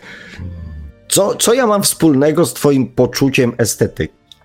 Osoba podświadoma zareaguje w ten sposób, że zacznie się zastanawiać, ponieważ odbierze to jako informację pod tytułem Jesteś źle ubrany. Tańcząc na parkiecie, nie potrafiąc tańczyć, ale się świetnie bawiąc, ktoś przyjdzie i powie: Nie podoba mi się, jak tańczysz. Osoba świadoma powie: OK, pozostawię cię z tym i zrób z tym, co uważasz. Skoro ci się nie podoba, to masz do wyboru albo patrzeć i dalej się nie podobać, albo odwrócić się, wyjść i nie patrzeć. Ale to jest jakby Twoje działanie. Osoba podświadoma, zwłaszcza z niską samooceną, zejdzie z parkietu i pójdzie pić wódkę, albo na przykład, nie wiem, zapłakać w kąciku w toalecie, bądź wyżalić się koleżance czy koledze. Kochani, różnica pomiędzy wypowiadaniem swojego zdania a ocenianiem jest taka, jak powiedziałem przed chwilą. Natomiast różnica pomiędzy podświadomym reagowaniem a świadomym jest też taka, jak powiedziałem. Każdy ma prawo wypowiadać swoje zdanie. Wszystko, co robimy wśród ludzi, każdy człowiek może podejść do nas, mówię o tym w świetle prawdy, może podejść do nas i powiedzieć: Podoba mi się bądź mi się nie podoba. Każdy człowiek ma do tego prawo. Tak samo jak my mamy prawo powiedzieć: Coś mi się podoba bądź mi się nie podoba. Problemem ego jest to, że natychmiast w takiej sytuacji postawi nas w kategoriach oceny dobre-złe. Wyobraźcie sobie taką sytuację. Idziecie do metra w centrum Warszawy i spotykacie ludzi, którzy mówią: O, fajna kurtka, albo nie, podoba mi się Twoja kurtka. Druga osoba mówi: Nie podoba mi się Twoja kurtka. Trzecia mówi: Podoba mi się Twoja kurtka. Następna, i każda osoba, która nas mija, mówi, czy nasze ubranie na, mu się podoba, czy mu się nie podoba. Wyobraźcie sobie taką sytuację. Każda osoba ma prawo to powiedzieć. Natomiast nikt nie ma prawa najprawdopodobniej powiedzieć, czy to jest dobre, czy złe. Świadomość pozwala nam odbierać informacje przez pryzmat prawdy. Pryzmat prawdy jest taki, ktoś powiedział o swoich subiektywnych odczuciach, jakie zostały wywołane moim strojem. Koniec tematu. Tu nie ma o czym dyskutować. To jest jego subiektywne odczucie, to jest moje ubranie. Nikt nie powiedział nic na mój temat, tylko powiedział na tym, powiedział na swój temat, jak on się z tym czuje. I o czym tu dyskutować? Stwierdzenie nie podoba mi się twój garnitur, czy nie podoba mi się twoja sukienka, bardzo często kończy się awanturami wśród ludzi, ponieważ zaczyna działać podświadomość. Świadomość mówi: OK, taka jest różnica. Wykorzystałem ten komentarz akurat, żeby ten temat rozwinąć, bo powiem Wam szczerze, miałem taki w audycji trochę niedosyt. Hmm. Pan Sebastian pisze, odnosząc się do słów prowadzącego, usiądźcie przy drodze i zacznijcie obserwować przyrodę. Trawka przy drodze nie udaje krzaczka, jest y, sobą. Krzaczek jest krzaczkiem, nie udaje drzewa, nie zazdrości, nie ocenia. No więc właśnie, kochani, natura nie ocenia, Bóg nie ocenia, nasza dusza nie ocenia, świadomość nie ocenia. Nie mówi, czy coś jest lepsze, czy gorsze. Do oceny zmusza nas nasza podświadomość i nasze ego. Znaczy, wywołuje reakcję. Anka pisze, już się pogubiłam, oceniać czy nie oceniać, oto jest pytanie. Um, no, czy ja myślę, że jest moje zdanie, kochani, poznaliście, a jaką macie teraz konotację emocjonalną z tym, co powiedziałem, to już oczywiście zależy od Was. Jeżeli jesteście pewni, że znacie prawdę, macie moralne prawo dokonać oceny. Tylko po co? Der pisze, posłuchaj, co mówią mądre głowy w internecie. O ironio, każdy sam musi ocenić, czy oceniać, czy nie. Eee... Znaczy, każdy sam musi. Nie, nie musi, ponieważ e, świadomość jakby z automatu eliminuje ocenę, ponieważ wie, że nie zna prawdy o drugim człowieku. Więc świadomość nie ma potrzeby oceniania. Bo co to da? Co to da, że ja powiem komuś coś? Co to da? Jeżeli on sam się nie pyta, co ja na ten temat sądzę, to co to da, że ja mu powiem? Oprócz tego, że zaspokoję swoje ego, że nie wiem, nie wiem, nie, w ogóle to dla mnie jest jakby abstrakcyjny proces myślenia, tak? Ja, ja nie mam potrzeby oceniania, żadnej. Pan Sebastian zadał e, takie pytanie, ocena według ze znakiem zapytania. E, bardzo zresztą trafne i mądre pytanie. Ja kiedyś mm, mówiłem e, o tym, że ocena naszego postępowania, ocena naszego postępowania na Ziemi nie jest możliwa, ponieważ nie istnieje na Ziemi jeden uniwersalny wzorzec tego, co jest dobre, a tego, co jest złe. Ponieważ nawet zabójstwo, czyli to, co jest e, Mm, budzi tak duże emocje, są miejsca na świecie, gdzie zabicie drugiego człowieka może znaleźć swoje wytłumaczenie na przykład w jakichś tam okolicznościach, tak? Więc skoro już nawet przy zabijaniu na Ziemi nie ma jednego wzorca, więc yy, co tu dochodzić jeszcze innych pomniejszych rzeczy? Dlatego ocena na Ziemi nie jest możliwa. Dlatego ocena tak jakby naszego postępowania w taki subiek- obiektywny, przez obiektywny pryzmat prawdy i miłości może nastąpić dopiero e, po naszej śmierci. Dlatego, że ze sobą na tamten świat nie zabieramy naszej podświadomości i naszego ego. Właśnie dlatego. Nasza podświadomość i nasze ego pozbawia nas, znaczy nadaje taki rys subiektywizmu i naszej osobistej prawdy i przesłania w związku z tym możliwość dotarcia do właśnie do prawdy i miłości. To, co możemy zrobić tutaj na Ziemi, to starać się rozumieć życie, sprawy, zachowania innych ludzi poprzez pryzmat prawdy i miłości. To możemy zrobić. Aczkolwiek i tak nasze ego będzie zawsze wtrącało swoje pięć groszy. I zawsze będzie to, co pan Sebastian napisał, ale. No niby tak jest, no niby faktycznie masz rację, no niby prawda taka jest, ale. No niby źle zrobiłem, w sumie no może by tak jakby się temu przyjrzał, to może źle zrobiłem, ale. Ale to on zaczął, ale on mi dał pretekst, ale on mnie sprowokował, ale on mi kiedyś coś. Dlatego nie jest to łatwe. Na poziomie mentalnym nie jest to łatwe. Natomiast na poziomie duszy, na poziomie tym świadomym, jest to jakby automatyczne. Zanika potrzeba oceniania. Można tylko mówić wtedy: podoba mi się, nie podoba, jest mi z tym po drodze, bądź nie jest mi z tym po drodze, chcę w tym wziąć udział, bądź nie chcę wziąć w tym udziału, poświęcę temu czas, bądź nie poświęcę temu czasu. Jest to dla mnie ważne, bądź jest to dla mnie nieistotne. Dla mnie. Nie dobre, nie złe, tylko dla mnie. Hmm, XY się pojawił i się przywitał z nami. Witaj serdecznie. Hmm. DR pisze, fajnie posłuchać, ale musimy sami zadecydować, czy kogoś oceniać. Ja jestem zdania, żeby ograniczyć się do opinii, które. E, mm, żeby ograniczyć się do opinii, które nie krzywdzą kogoś innego.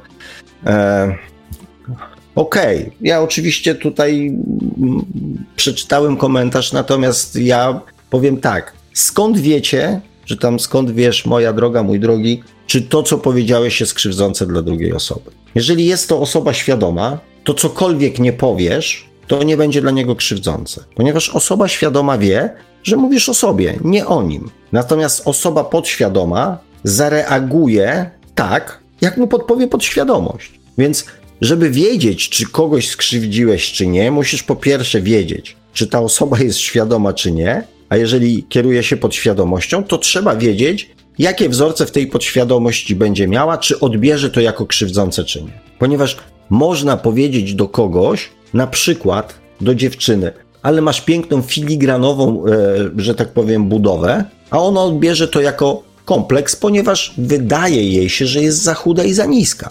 Można komuś powiedzieć, ale jesteś kawał chłopa, a on sobie to pomyśli, o, znowu mi ktoś mówi, że jestem gruby. Więc to jest kolejna ślepa uliczka. Analizowanie drugiego człowieka. Czy go to skrzywdzi, czy go to nie skrzywdzi. Osoby świadomej nie skrzywdzi, nawet jeżeli ktoś powie, jesteś głupi. Bo na mnie na przykład takie rzeczy, jak ktoś mi mówi, jestem głupi, o mnie, że jestem głupi, nie robią jakiegoś tam wrażenia. Zwłaszcza jeżeli to jest, nie wiem, nasz pierwszy kontakt i dotyczy na przykład audycji czy jakiegoś mojego wpisu. Bo dla mnie, jeżeli ktoś dokonuje takiej oceny nie znając mnie i mówi, że jestem głupi, jest od razu informacją, że, że w myśl prawdy powinien napisać: Nie podoba mi się to, co piszesz, albo to, co piszesz, wydaje mi się głupie, albo to, co piszesz, czy co mówisz, e, ja się z tym nie zgadzam. Więc jeżeli ktoś nie potrafi w ten sposób się wyrażać, w sensie reaguje pod świadomością, no to w zasadzie jakby mm, rozmowa i sposób e, komunikacji dalej na poziomie, nie wiem, prawdy jest po prostu niemożliwy, więc, e, więc tak. Dlatego nie, no ja osobiście, i to też mówię, nie oceniam tego, tylko mówię pod kątem prawdy, ja się z tym nie zgadzam. Dana się pojawiła. Witaj, droga Dano. Ja też jak zawsze na koniec, ale przynajmniej posłucham drugiej części. Witajcie Jutro odsłucham z ciekawością, o czym pan Sławek prawił.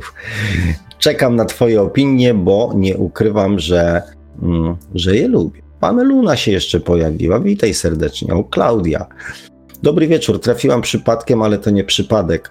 Niedobrze, jak emocje nami miotają. Warto próbować i obserwować emocje. Wtedy e, przychodzi mm, świadomość. No, bardzo się cieszę, Klaudio, że w takim razie do nas zawitałaś. Tak, z pewnością pojawia się na skutek obserwowania własnych emocji, poznawania samego siebie, e, przychodzi świadomość samego siebie, bez wątpienia. A to już jest naprawdę dobry początek.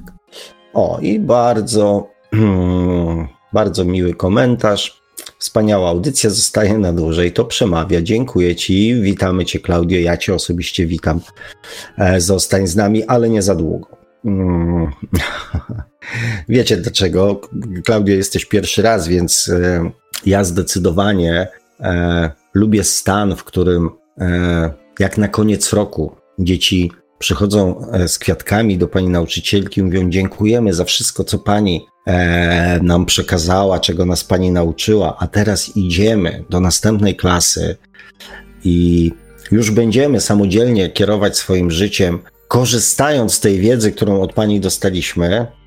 E, to ja właśnie takie sytuacje najbardziej lubię. Znaczy, jeszcze nie dostałem żadnych kwiatków na koniec roku, czy na koniec nauki, ale jeżeli będzie taka sytuacja, kochani, to powiedzcie mi, Sławek, stary, fajnie, dzięki, fajnie cię było spotkać na swojej drodze. Dostałem, wycisnąłem z ciebie jak z cytryny tyle, ile się dało, a teraz już wiem, co mam z tym zrobić i idę, że tak powiem, uprawiać swoje poletko na własnych zasadach. Uwierzcie mi, będę bardzo szczęśliwy. O, drogi Danielu, witaj. Kolejny raz e, mówi pan, co trzeba robić, podając przykłady anioła stróża. Ja widzę to tak, że trzeba swoją podświadomość pobudzić myśleniem do działania e, we właściwym kierunku, ale trzeba mm, robić to e, świadomie. Mm. Znaczy, bardzo dobrze napisane, tak? Natomiast ten proces mm, troszeczkę. Znaczy, to troszeczkę jest tak, że naszej podświadomości akurat pobudzać nie trzeba, e, bo ona sobie świetnie radzi. Zresztą jest na co dzień przygotowana do Mm, do robienia tego, co robi. Mm, raczej trudniej ją jest y, okiełznać e, i jakby spróbować ukierunkować w inną stronę, w tą stronę e, bardziej tej prawdy obiektywnej niż prawdy subiektywnej, e, ale sam proces, y, sam proces kierowania jej we właściwym kierunku świadomie bardzo mi się podoba. Nikita Wysłała mi jakieś tutaj fajne emotikonki. E, bardzo dziękuję, pięknie pan prawi. Cieszę się, cieszę się e, niezmiernie, że tak, e, że mogę tak do was, kochani, prawić. Jan Kuterba pisze: Witam wszystkich. Światło łączących mamy dwa ego, jedno fizyczne i drugie tak zwane duchowe. No, ciekawy pogląd. Spróbuję doczekać, doczytać się, ale nie widzę dalej. Nie bardzo rozumiem ten wpis. Daniel pisze, ocena y, często jest związana z tym, jakie zostały podjęte przez kogoś decyzje. Natomiast zasłyszałem kiedyś piękny cytat, że nie ma złych decyzji, są tylko różne rezultaty. Dokładnie. Niepowodzenia nie są porażkami, tylko informacjami zwrotnymi. Mm, DR pisze, dziękuję, że tak fajnie się pan wypowiada. E, przyjemność również po mojej stronie. O, kochani, to już widzę, jest informacja, że będziemy kończyć, ponieważ XY z nami się pożegnał. Rzadko kiedy słuchacze żegnają się ze mną piersi niż ja się pożegnam z nimi. Dobrej nocy, dobrej nocy, wszystkiego dobrego. DR też się żegna, później odsłucham do końca. Klik, klak, witam. W dzisiejszym świecie ani ludzi nie znając żartów, dobranoc, kochani, życzę miłości, zrozumienia. E, Klaudia napisała dziękuję z wykrzyknikami, pięknie dziękuję, wierzę, że tak się stanie. E, droga Klaudio, oczywiście tego Ci z całego serca życzę, zresztą, e, zresztą wszystkim, tak? Wiecie, jest jak to było w szkole z drugoroczniakami, trzecioroczniakami. E, więc tak, jak najbardziej wyciskajcie z tego, co mówię, jak najwięcej.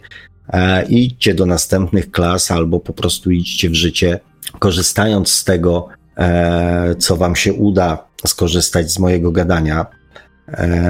A jeżeli uda się Wam, czego Wam też z całego serca życzę, być przeszczęśliwymi, wesołymi, radosnymi ludźmi dla siebie i dla swoich bliskich, to. Mm, to będzie to dla mnie niewątpliwy e, sukces i też niewątpliwa radość, której e, na co dzień mm, oczywiście sobie i Wam, e, kochani, z całego serca życzę.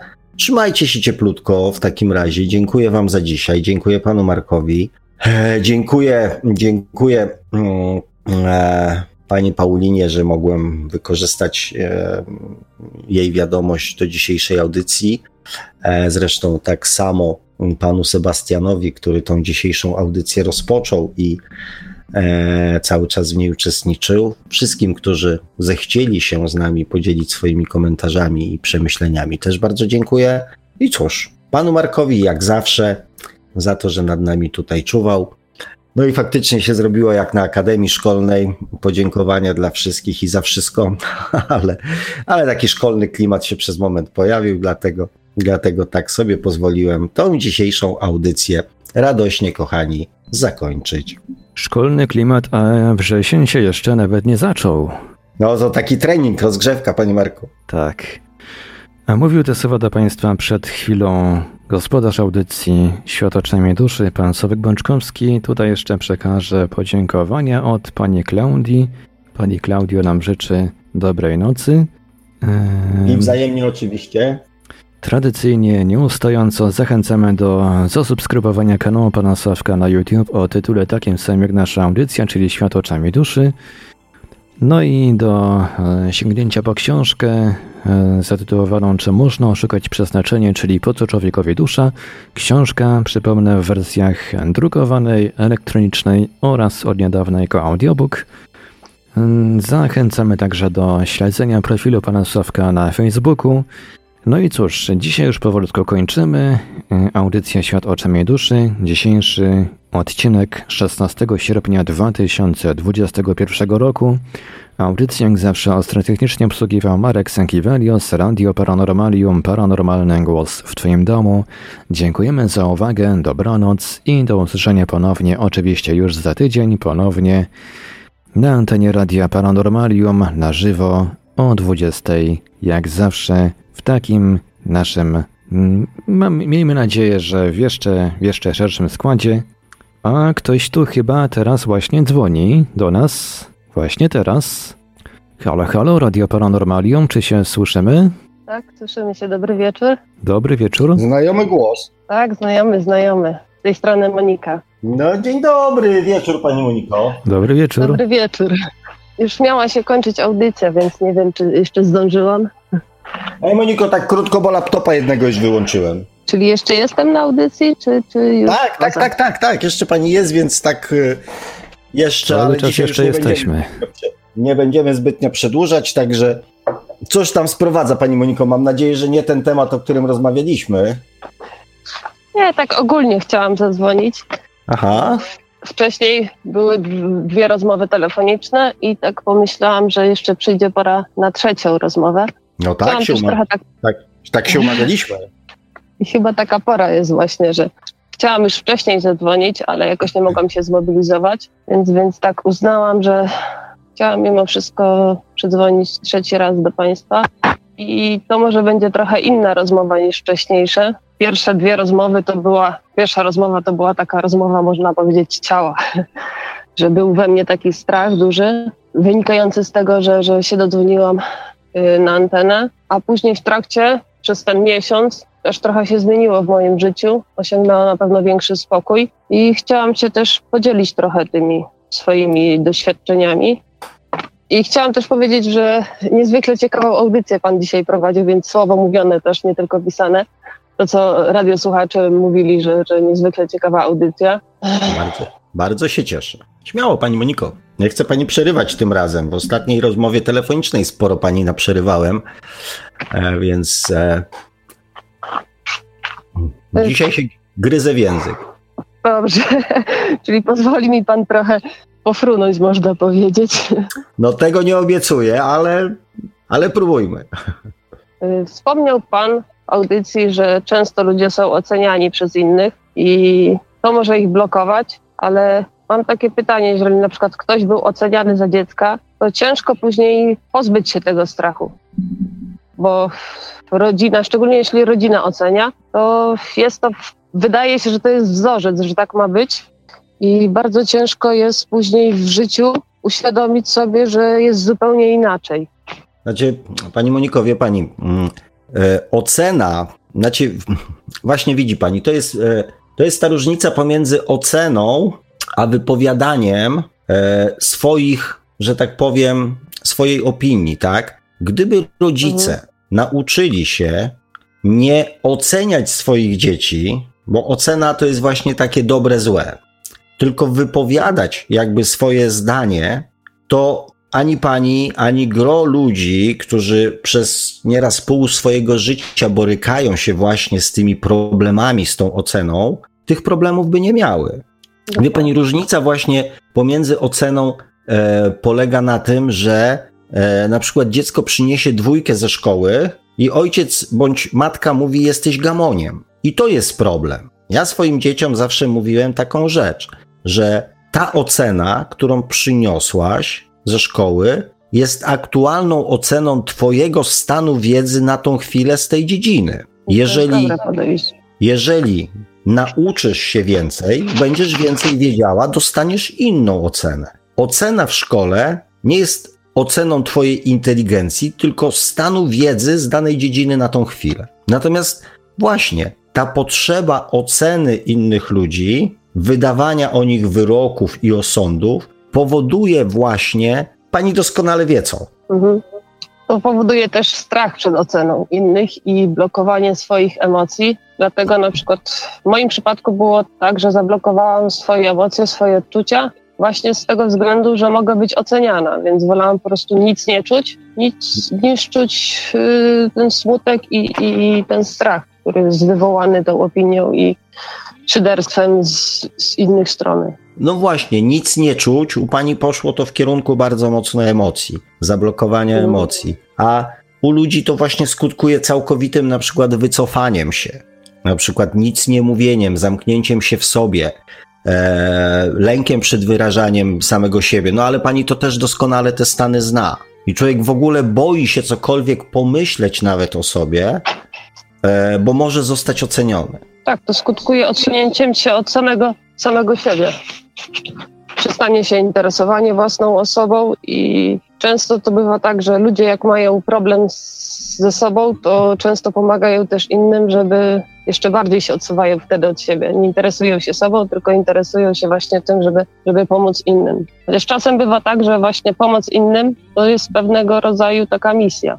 Znaczy, ja słowa misja, tak jak pani wie, nie za specjalnie mhm. lubię, natomiast natomiast to jest też, wie pani, poszukiwanie e, takiej bratniej duszy trochę, tak? Bo ja jestem nieszczęśliwa, więc będę się, że tak powiem, jakby otaczać ludźmi, którzy też są nieszczęśliwi, a może jak są bardziej nieszczęśliwi ode mnie, to mi będzie może troszeczkę lżej, że nie jestem sama. Wie pani, to też takie jest, taka ucieczka w takie działania e, czasami. Natomiast oczywiście, no każdy, każdy człowiek to mm, podchodzi do tego bardzo osobiście i mi ciężko jest y, jakby mówić ogólnie, tak? Mówię tylko o jakichś tam mhm. zarysach. Pani doskonale wie, co pani czuła e, i mhm. też pani wie, E, jak pani patrzy na to już nawet w tej chwili z perspektywy kilku miesięcy, prawda? Mhm. Mm. Natomiast. Ja bym chciała mnie, też. Mhm. Nie, no, dla mnie jest ważne okay. to, żeby, żeby właśnie e, chociażby za pomocą takich audycji, e, być może są tu też rodzice, którzy mają na przykład swoje e, swoje dzieci, które właśnie na przykład są na etapie e, właśnie wychowywania. Mm, i być może dzięki też takim jakby informacjom od pani, na przykład może ktoś się na chwilkę mm, przystanie nad tymi zastanowi, tak, w jaki sposób on traktuje swoje dzieci, czy właśnie ta chęć oceniania w życiu jego dziecka nie, nie będzie skutkowała na przykład czymś takim, o czym pani mówi, co pani przeżyła, tak? Mhm. Dlatego właśnie taki jest mój cel, jak zadzwoniłam do Państwa i zaczynałam mówić o sobie, właśnie po to, żeby pokazać, żeby ludzie zrozumieli, że tą drogą, którą idą, to mogą wyrządzić e, ogromną krzywdę. To nie jest tak, że ja rozpamiętuję to, co było, ja już to zrozumiałam, tylko wiem, jaki ma to skutek później w życiu codziennym, jak potrafi zablokować daną osobę i jak ją ograniczyć na kontakt z innymi ludźmi. Bo na przykład, jeżeli w domu nie ma żadnego wsparcia, nie ma docenienia, tylko jest w drugą stronę, jest szyderstwo i jest powtarzanie, że często na przykład słyszałam w domu słowa, że jestem niedorozwinięta. No właśnie. I nie dość, że słyszałam takie słowa, to jeszcze to tak wzmacniali, że jestem, porównywali kogoś, że ktoś jest niedorozwinięty jak Monika, więc to już tak zostało dobitnie wzmocnione, że czułam się jako ta najgorsza, najgłupsza. Nawet kończąc studia, miałam nadal takie myśli, że coś ze mną jest nie tak. Skoro nie potrafię normalnie nawiązać kontaktu z ludźmi, normalnie rozmawiać, tylko się blokuję, bo ciągle był we mnie ten strach przed wyśmianiem, przed ocenianiem, że ktoś wyłapie moje błędy. Dlatego tak ciężko mi było rozmawiać z innymi ludźmi, a w szczególności nawet opowiadać o sobie. Ja na no. 23 lata właśnie zablokowałam się do tego stopnia, że nic o sobie nie potrafiłam mówić, ani nawet opowiadać ogólnie o życiu codziennym takim ciągiem, bo miałam myśli, że zaraz ktoś wyłapie moje błędy i wiem, że tutaj byłam bardzo mocno zablokowana. No ale to widzi pani, no czy, e, e, pani Moniko, e, też słuchacze, ci, którzy są z nami, bądź ci, którzy będą odsłuchiwali, dzieci nie za specjalnie mm, mają jakikolwiek wybór. E, I to jest, to jest ta, ta, ta, że tak powiem, bardzo trudna sytuacja, ponieważ dziecko ze swojego otoczenia przyjmuje wszystko jako prawdę i nie ma mhm. Myśli... możliwości weryfikacji tego, tak? Więc... I myśli, że rodzina chce dla niego, myśli, że dobrze. Tak. Zakłada, znaczy... że to, co mówi rodzina, to jest taką tak. prawdą. Tak, to są po prostu wzorce do naśladowania i, i dziecko nie analizuje tego, czy to jest dobre, złe, mądre, głupie, e, tylko po prostu przyjmuje wszystko jako pewnik. E, natomiast e, ponieważ, e, znaczy ja mam taki projekt Świat oczami dziecka e, uruchomiony i być może na przykład tam byłoby fajnie, gdybyśmy porozmawiali e, na ten temat, bo to jakby jest program bardzo, znaczy projekt bardzo dedykowany do rodziców. Natomiast, no wie pani, ja tutaj już mówię najczęściej do ludzi dorosłych, tak, którzy e, już ten wybór mają. Co z Ale tym? Kiedy nawet ludzie dorośli nie są tego świadomi, nie wiedzą, jak wyjść z obecnej sytuacji, dlatego też chciałam właśnie powiedzieć na swoim przykładzie, jak to u mnie wyglądało. Bo pan powiedział, że nie lubi, nie lubi słuchać historii. Ale, ale zadam, zadam takie pytanie. Na przykład w Biblii. Mhm. Y, co tam jest przedstawione? Przedstawione są właśnie różne historie, bo często nasze doświadczenia, nasze emocje właśnie bardziej y, trafiają do nas niż teoria. Dlatego wyszłam z założenia, że na przykład na swoim przykładzie wolę opowiadać, bo to jest moja prawda, ja to czuję, lepiej niż jakąś teorię i wiem, że to może bardziej trafić do ludzi. Ale wie pani, ale ja, pani Moniko, ja ogólnie rzecz biorąc, z takim założeniem, ja podaję przykłady, podaję, opowiadam też różne historie e, i, mm, i całkowicie tak, dawanie przykładów takich powiedzmy życiowych ma sens, mhm. tak? Ma sens, oczywiście, nie? Tylko to, co rozmawialiśmy telefonicznie, tak? Że. Mm, ten moment, kiedy te historie można opowiadać, też musi być właściwy, kiedy ta historia ma jakieś zakończenie, tak? Natomiast pani była wtedy jeszcze w takim etapie, że pani bardzo mocno przeżywała przeszłość. A ja namawiam zawsze ludzi do tego, żeby skupili się na swojej przyszłości, czyli na tym, co jest dzisiaj, to, co o sobie odkryłem, to, co o sobie się dowiedziałem i co mogę z tym zrobić. A niekoniecznie po każdej historii trzeba przedstawić wniosek, bo sama historia jest wnioskiem. Hmm. Tak nawet jak jest w Biblii. Nie jest pokazane po każdej historii wniosek, tylko ludzie to sami odkrywają ten wniosek. Słuchając znaczy, historii. Pani Moniko, z pewnością tak, są różne, różne źródła, różne, że tak powiem, programy, różne formy, różne sposoby, tak? Jedni postanawiają nie wiem, kogoś prowadzić za rękę i wydawać mu polecenia, co mają zrobić, tak? Inni się skupiają na tym, żeby kogoś wysłuchać i traktują to jako terapeutyczne, czy tam jakieś inne, tak? Czyli, czyli, czyli jakaś tam psychologia. Ja po prostu mam swoją wizję e, audycji, którą prowadzę. Mhm. I jakby tej wizji staram się trzymać, e, ponieważ do takiej pewnie też w pewnym sensie przyzwyczaiłem słuchaczy, bądź dzięki takiemu sposobowi prowadzenia mm, e, audycji e, ludzie przychodzą, żeby usłyszeć właśnie to, a nie coś tam innego, nie? Więc, e, więc ja z tego powodu się przy tym upieram. Ja żadnej z metod, która służy do tego, żeby po pierwsze poznać samego siebie, Po drugie, żeby spróbować swoje życie odmienić na fajniejsze i na przyjemniejsze, żadnej metody nie uważam za złą. Ja po prostu przyjąłem taką formę. Natomiast mówię, no są całe mnóstwo innych audycji, programów, nie wiem, projektów, e, w których na przykład ludzie skupiają się na opowiadaniu historii, tak? Ja staram się już jakby mm, bardziej skupić na tym, co jest tu i teraz, tak? Niż na tym, co, co było. I to, no, tak jak mm, pani mówiłem, no taki jest wybór, taki jest mój pomysł. E, no i tego się będę trzymał, nie? Myślę, że pan Kazimierz ma podobne podejście jak ja. Nawet ostatnio w rozmowie powiedział, że brakuje mu mówienia, e, jak on to ujął, o tym, jak czegoś się dokonało, a nie jak zrobić. No właśnie, ale czy pani nam może powiedzieć, pani Moniko, jak się dokonało, co się dokonało? Mogę trochę na swoim przykładzie. No, wie pani, e, opowiadanie na przykład o. Mm, pani przykład, gdybyśmy tam na przykład sięgnęli głębiej do przeszłości, będzie dowodem na to, jak jest skonstruowana podświadomość, prawda? Mhm. Czyli, że wzorce się zapisują, że dzieci traktują to jako, jako pewnik, nie analizują tego, później z tymi wzorcami wchodzą, to tworzy jakąś im, ich tam osobowość i mniej bądź więcej problemów z samym sobą, prawda? To gdybyśmy opowiadali pani historię, to podawalibyśmy dowody na to, że tak właśnie jest skonstruowana podświadomość. Czasem ludzie potrzebują dowodu.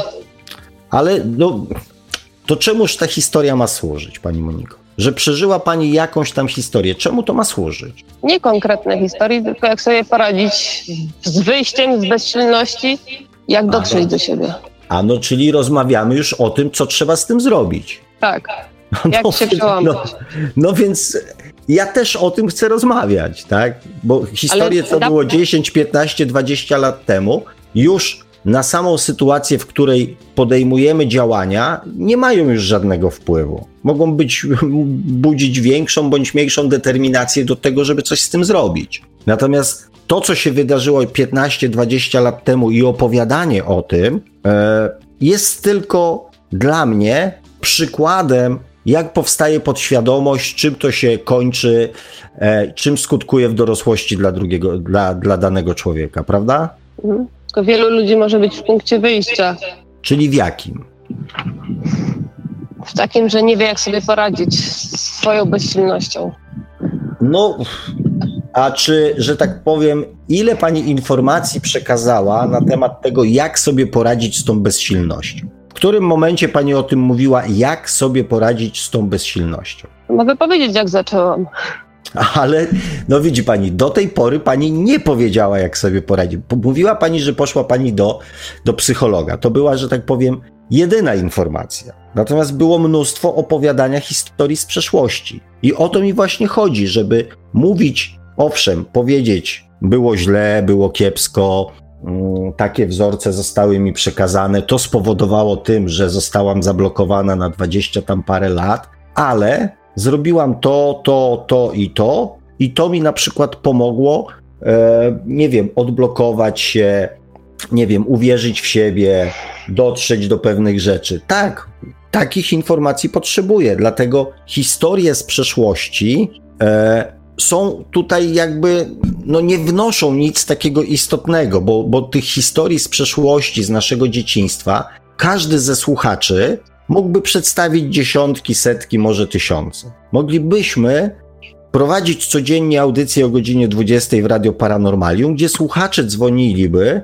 opowiadać swoje historie z przeszłości, z dzieciństwa. Każdy z nas w mniejszym bądź większym stopniu tą świadomość ma zaprogramowaną. Jedni mają zaprogramowaną tym, drudzy czymś innym, e, jedni biedą, drudzy sukcesem, egoizmem, Mm, talentami, wmawianie im, że wszystko mogą, e, wysyłanie ich do szkół, do których oni nie chcą chodzić i tak dalej, i tak dalej. Tych historii, co dziecko, co rodzina, jest inna. I tych historii jest tyle, ile dzieci na świecie. Tyle, ile rodzin, tyle dzieci.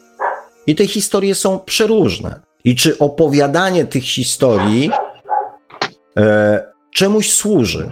oprócz budzenia współczucia, że no nie wiem, dziecko się wychowało w patologicznej rodzinie, że było bite, nie wiem, molestowane i tak dalej, i tak dalej. Albo głodne chodziło, albo nie wiem, sprzedawało, nie wiem, jadło bułki ze śmietnika. Wie pani, tych historii jest całe mnóstwo.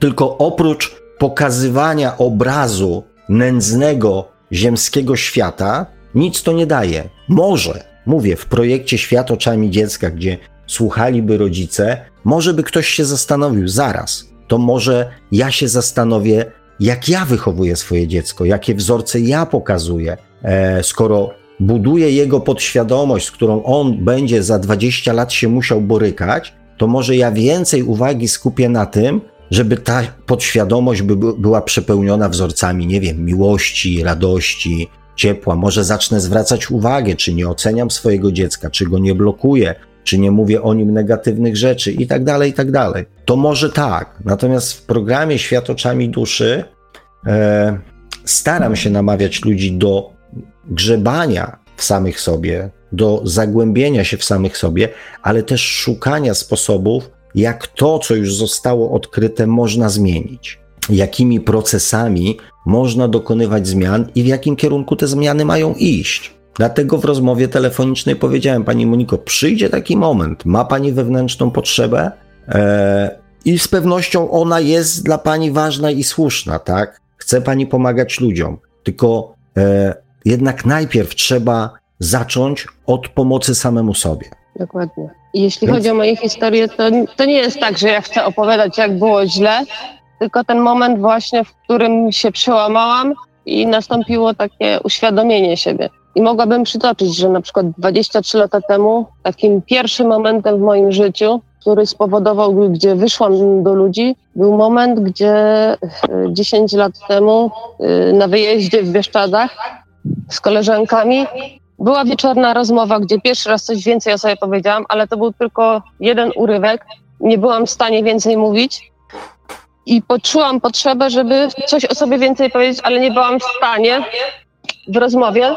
I dopiero następnego dnia, gdy rano wstałam, można powiedzieć, że natura, widok mnie natchnęły do tego, że wzięłam kartkę i na tej kartce papieru zaczęłam pisać. Napisałam bodajże cztery strony i gdy koleżanki rano wstały, zobaczyły mnie, ja nie byłam w stanie powiedzieć ani słowa za bardzo, rozpłakałam się i to w sumie były moje pierwsze łzy, które y, zobaczyli ludzie bo przez ten cały czas byłam tak zablokowana, że nie wyzwalałam swoich emocji. Zobaczyły moje łzy i wtedy im powiedziałam, że tutaj jest wszystko napisane. I to był taki pierwszy moment, że nie byłam w stanie mówić, ale postanowiłam, że chcę się przełamać i napisałam to na papierze. Wtedy mnie przytuliły i to też był w sumie pierwsza taka bliskość, która nie była wywołana na przykład powitaniem, tylko to była bliskość, bo widziały, że u mnie ból.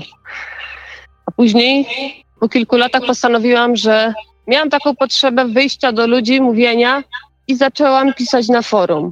Pisałam na forum 8-10 lat, szukałam zrozumienia, ale doszłam do wniosku, że jednak czegoś ciągle brakuje, że, że nadal jestem w takim stanie, jak byłam, że, że nie jest tak, jak być powinno. Dopiero kolejnym momentem przełomowym właśnie był, było trzy miesiące temu, gdy zaczęłam psychoterapię i po pierwszej wizycie zrozumiałam, że muszę odnaleźć siebie, y, będę musiała zrobić, y, dotrzeć do siebie, zrozumieć, nawet wyzwolić sobie emocje, zezłościć się, zaakceptować, wybaczyć i pokochać. I po pierwszej wizycie natchnęło mnie, żeby coś napisać. I czy mogłabym przeczytać pewien tekst, który, który napisałam po pierwszej wizycie dla samej siebie, a czyli w sumie na forum. Tak, pani Moniko. Chcia, chciałabym go przeczytać, bo to też dla mnie takie było bardzo ważne trzy miesiące temu, że można powiedzieć, zaczęłam rozumieć więcej. Chciałabym to przeczytać. Jasne. Pierwsza myśl, pewnie znowu o tym samym będzie pisać, pewnie o pierdołach będzie nawijać. Otóż wczoraj znalazłam klucz do szczęścia. Wczoraj zapaliła się we mnie nadzieja. Wyszłam z myśli, które tak mnie dobijały, że zmarnowałam sobie życie. Wyszłam z bezsilności, bo w końcu ujrzałam, czego mi, czego mi brakowało najbardziej w życiu.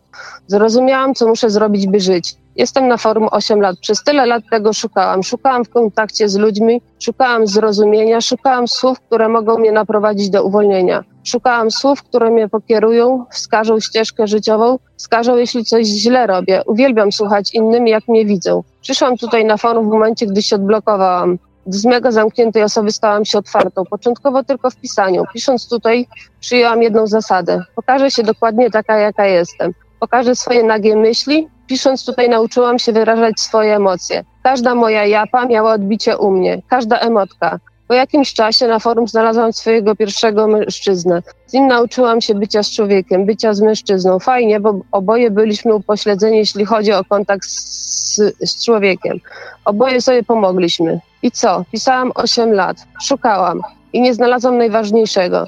Nie znalazłam zrozumienia. Teraz o moim kluczu. Dopiero wczoraj to do mnie dotarło. Moim kluczem w zrozumieniu, w akceptacji, w odnalezieniu miłości jest to, bym sama tego dokonała. To ja siebie muszę odnaleźć. Nikt tego nie zrobi. Nikt tak dobrze nie zna mnie samej jak właśnie ja. A ja całe życie wręcz odwrotnie. Uciekałam od siebie. Uciekałam od bólu, od cierpienia. Chowałam go. Tylko po to, by nie czuć. Chyba jestem dość wrażliwą osobą, dlatego to zrobiłam. A większość życia myślałam, że jest odwrotnie. Skoro nie czuję bólu, to jestem niewrażliwa. Nie czułam nawet pragnienia, chęci miłości. Wszystko ukryłam. Dopiero wczoraj odnalazłam, gdzie to jest ukryte. Będąc wczoraj w pracy, pierwszy raz w życiu zaczęłam ze sobą rozmawiać. Dzień wcześniej wybrałam się do psychologa. Wydawało mi się po wizycie, że nic nie zrobił. Ja tylko mówiłam, przekazałam wszystko, co już wiedziałam, żadnego odkrycia. Powiedziałam o swoich blokadach, których się pozbyłam, o swoich strachach. Wyszłam ze spotkania i no nic. Dopiero wróciłam na mieszkanie, zaczęło się dziać. Zastanawiałam się nad pytaniem, a najwięcej się działo wczoraj w pracy. No zaczęłam ze sobą rozmawiać. Jakie to było dziwne. Zaczęłam więcej rozumieć i pojawił mi się w głowie pewien obrazek. Wyobraziłam sobie, że psycholog jest klucznikiem, ale nie dał mi kluczu. Wskazał mi jedynie cele. Przed tą celą był fotel, na którym usiadłam. Co zobaczyłam za kratami? Zobaczyłam uwięzioną osobę. Kobietę. Miała twarz zasłoniętą potarganymi włosami. Włosy były bez blasku, bez życia. Siedziała podkulona pod ścianą. Na sobie ubraną miała długą sukienkę. Sukienka była biała w czerwone kwiaty. Nie, to nie kwiaty. Ta sukienka była zakrwawiona. Kobieta ta była wtulona w samą siebie. Usiadłam, patrzę na nią i myślę. To jest najsmutniejszy człowiek, jakiego widziałam w życiu. Przypełniona tak wielkim bólem, z którym jest sama. Nikt jej nie zna, nikt do niej nie wchodzi, nikt jej nawet nie przytuli. Jest jedna istota, która ją odwiedza. To demon. Przychodzi do niej głównie nocą. Ona uwalnia swój ból. Patrzyłam na nią i w głowie miałam jedno. Tak bardzo chcę jej pomóc, tak bardzo chciałabym ją przytulić, chciałabym ją stamtąd uwolnić. Ona nawet nie może podejść do krat. Łańcuch ma u nogi przytwierdzony do ściany, mimo że jest w stanie zrobić kilka kroków. Siedzi podkulona, rękami próbuje się otulić. W końcu coś zrozumiałam. Tekst piosenki. Jeszcze nie ma mnie, chociaż w sobie mieszkam. Błąkam się po ścieżkach, jak cień. W myślach gdzieś tyle krętych dróg plącze mi się w głowie. Z drugiej strony powiek. Bez tchu dosyć już, wracam do siebie. Żeby znowu być. Można znów pisać i otwieram drzwi. Zrozumiałam, że to wszystko, czego szukałam, mam w sobie. Muszę odnaleźć siebie. Przytulić, muszę się polubić. Postanowiłam coś zrobić. Zamiast pisać do ludzi, zamiast pisać na forum, zacznę pisać do siebie. Cały czas pisałam na telefonie, używając jedynie kciuków. Zacznę używać wszystkich palców, przyniosę się na laptopa. Będzie to swe, swojego rodzaju pamiętnik. Będę przekazywała sobie własne odczucia i spróbuję siebie zrozumieć. Dzisiaj szwendałam się po parku jednym, drugim, byłam też nad wodą. Mega fajne uczucie, gdy słuchałam piosenki, gdzie był fortepian. Zamknęłam oczy i słońce oraz woda grały na moich powiekach za pomocą światłocienia. Włącznie coś dla siebie. Żałuję jednego, że moje litery są tak ubogie, nagie. Nie ma żadnego strojnego szyku, nie mają na sobie garnituru, krawatu. Są nagie i proste. Gdyby nie to, gdyby nie mój język był inny, mogłabym nawet wydać książkę. Koleżanka, jak mnie poznała, to strasznie przypomniała jej, przypominałam ją, jej Virginię Woolf, pisarkę. Przekazuje myśli z ogromną dawką emocji i widzi, widzi więcej w drobnostkach, widzi szczegóły, których wiele osób nie zauważa. Żałuję, że mój język jest taki prosty. No ale dobra, piszę dla siebie. Już jeszcze tutaj jest. Yy, jeszcze patrzę tak, jakby zmysły były z dźwiękoszczelnej szyby. Na świat patrzę tak, zbieram siebie w garść. Trzeba mieć nadzieję. Nią się w całość skleję, tak jak zbity dzban. Trzeba mieć nadzieję, odnalazłam. Znalazłam światło, ścieżkę, którą muszę podążać. Wiem, co muszę zrobić. tekst piosenki. Nie da się tak żyć, żeby zawsze być reklamą szczęścia, bo uśmiech w gardle stanie ci. Jeśli nie bywa źle, nie dowiesz się, że może być lepiej, że może być lepiej. Koleżanka, którą poznałam pięć miesięcy temu, dobroduszko przeze mnie nazwana, od miesiąca mówi mi, nie poznaję cię, co się z tobą dzieje, gdzie twoja dziecięca radość, gdzie zniknął twój uśmiech. Ona mnie przez długi czas trzymała, trzymała przez uśmiechu, swoją obecnością.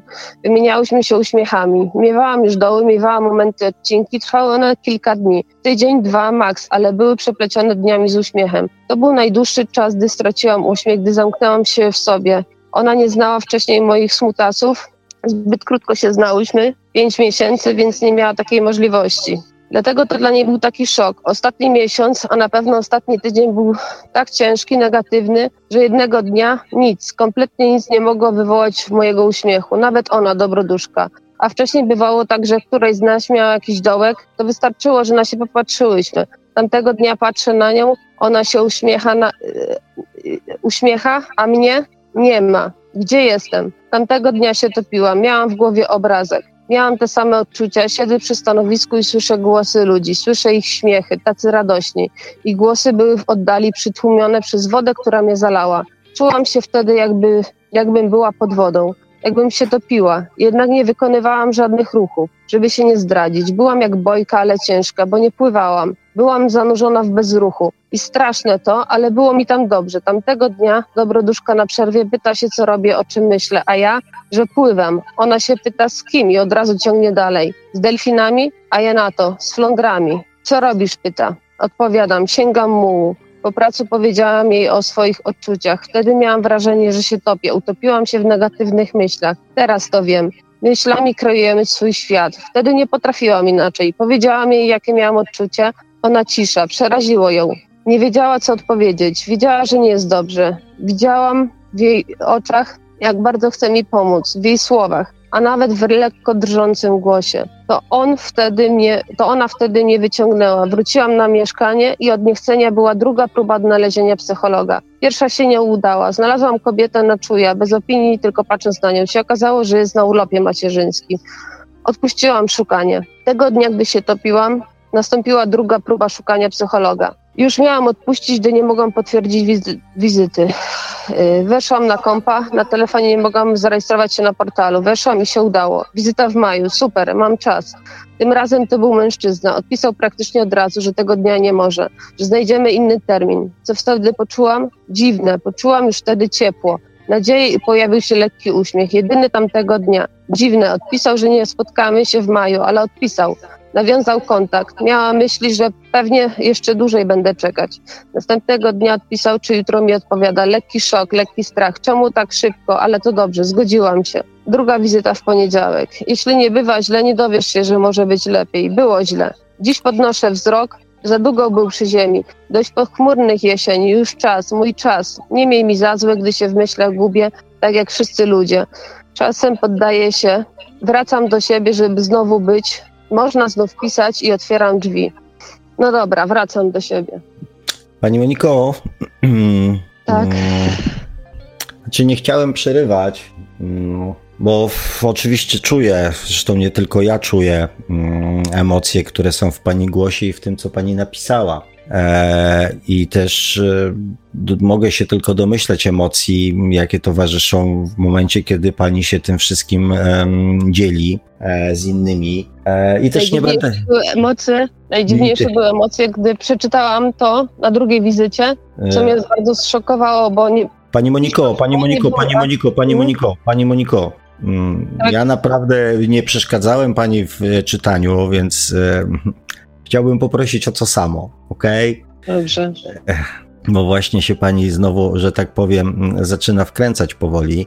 E, ja nie będę pani Moniko w żaden sposób tego ani oceniał, ani komentował. Jest to bardzo, mówię, bardzo głębokie i też widać, e, że, że, że, że, że no te emocje są bardzo, bardzo duże.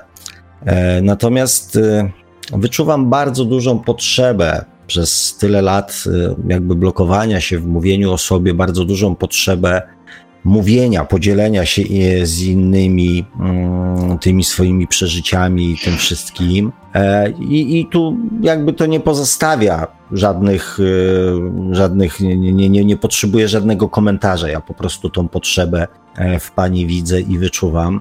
I to, co mógłbym ewentualnie doradzić, zresztą też nie rzadko daję rady, natomiast z mojego doświadczenia, ponieważ doświadczenia bardzo, bardzo osobistego, e, ludzie, którzy mm, żyją w jakimś takim swoim, już bardzo mocno skrystalizowanym i też dramatycznym świecie, e, potrzebują zrozumieć jedną rzecz. I o to bym chciał, żeby pani się nad tym zastanowiła. Jak pani myśli, ilu z naszych słuchaczy, którzy siedzą dzisiaj tutaj e, i wysłuchają e, tej audycji jeszcze mm, z podcastu, z jakimi oni sytuacjami musieli się w życiu mierzyć? Jak pani myśli?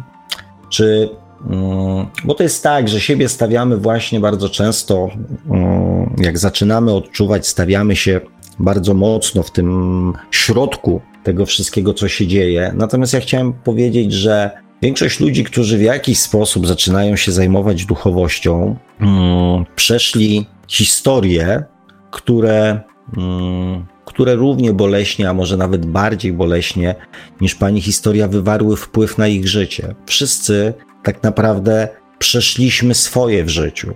Naprawdę, niech mi pani wierzy, nie jest pani sama.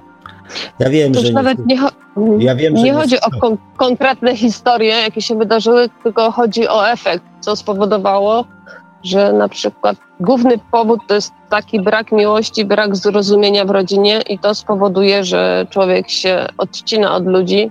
Już nie chodzi tak, o konkretne historie. Tak, pani Moniko, ale to, to już żeśmy, że tak powiem, ustalili, tak? Natomiast z mhm. tym brakiem miłości z wpojeniem wzorców, przeróżnych wzorców, które skutkowały później przeróżnymi, że tak powiem, sytuacjami w życiu ludzi, większość z nas w mniejszym bądź większym stopniu się spotkała.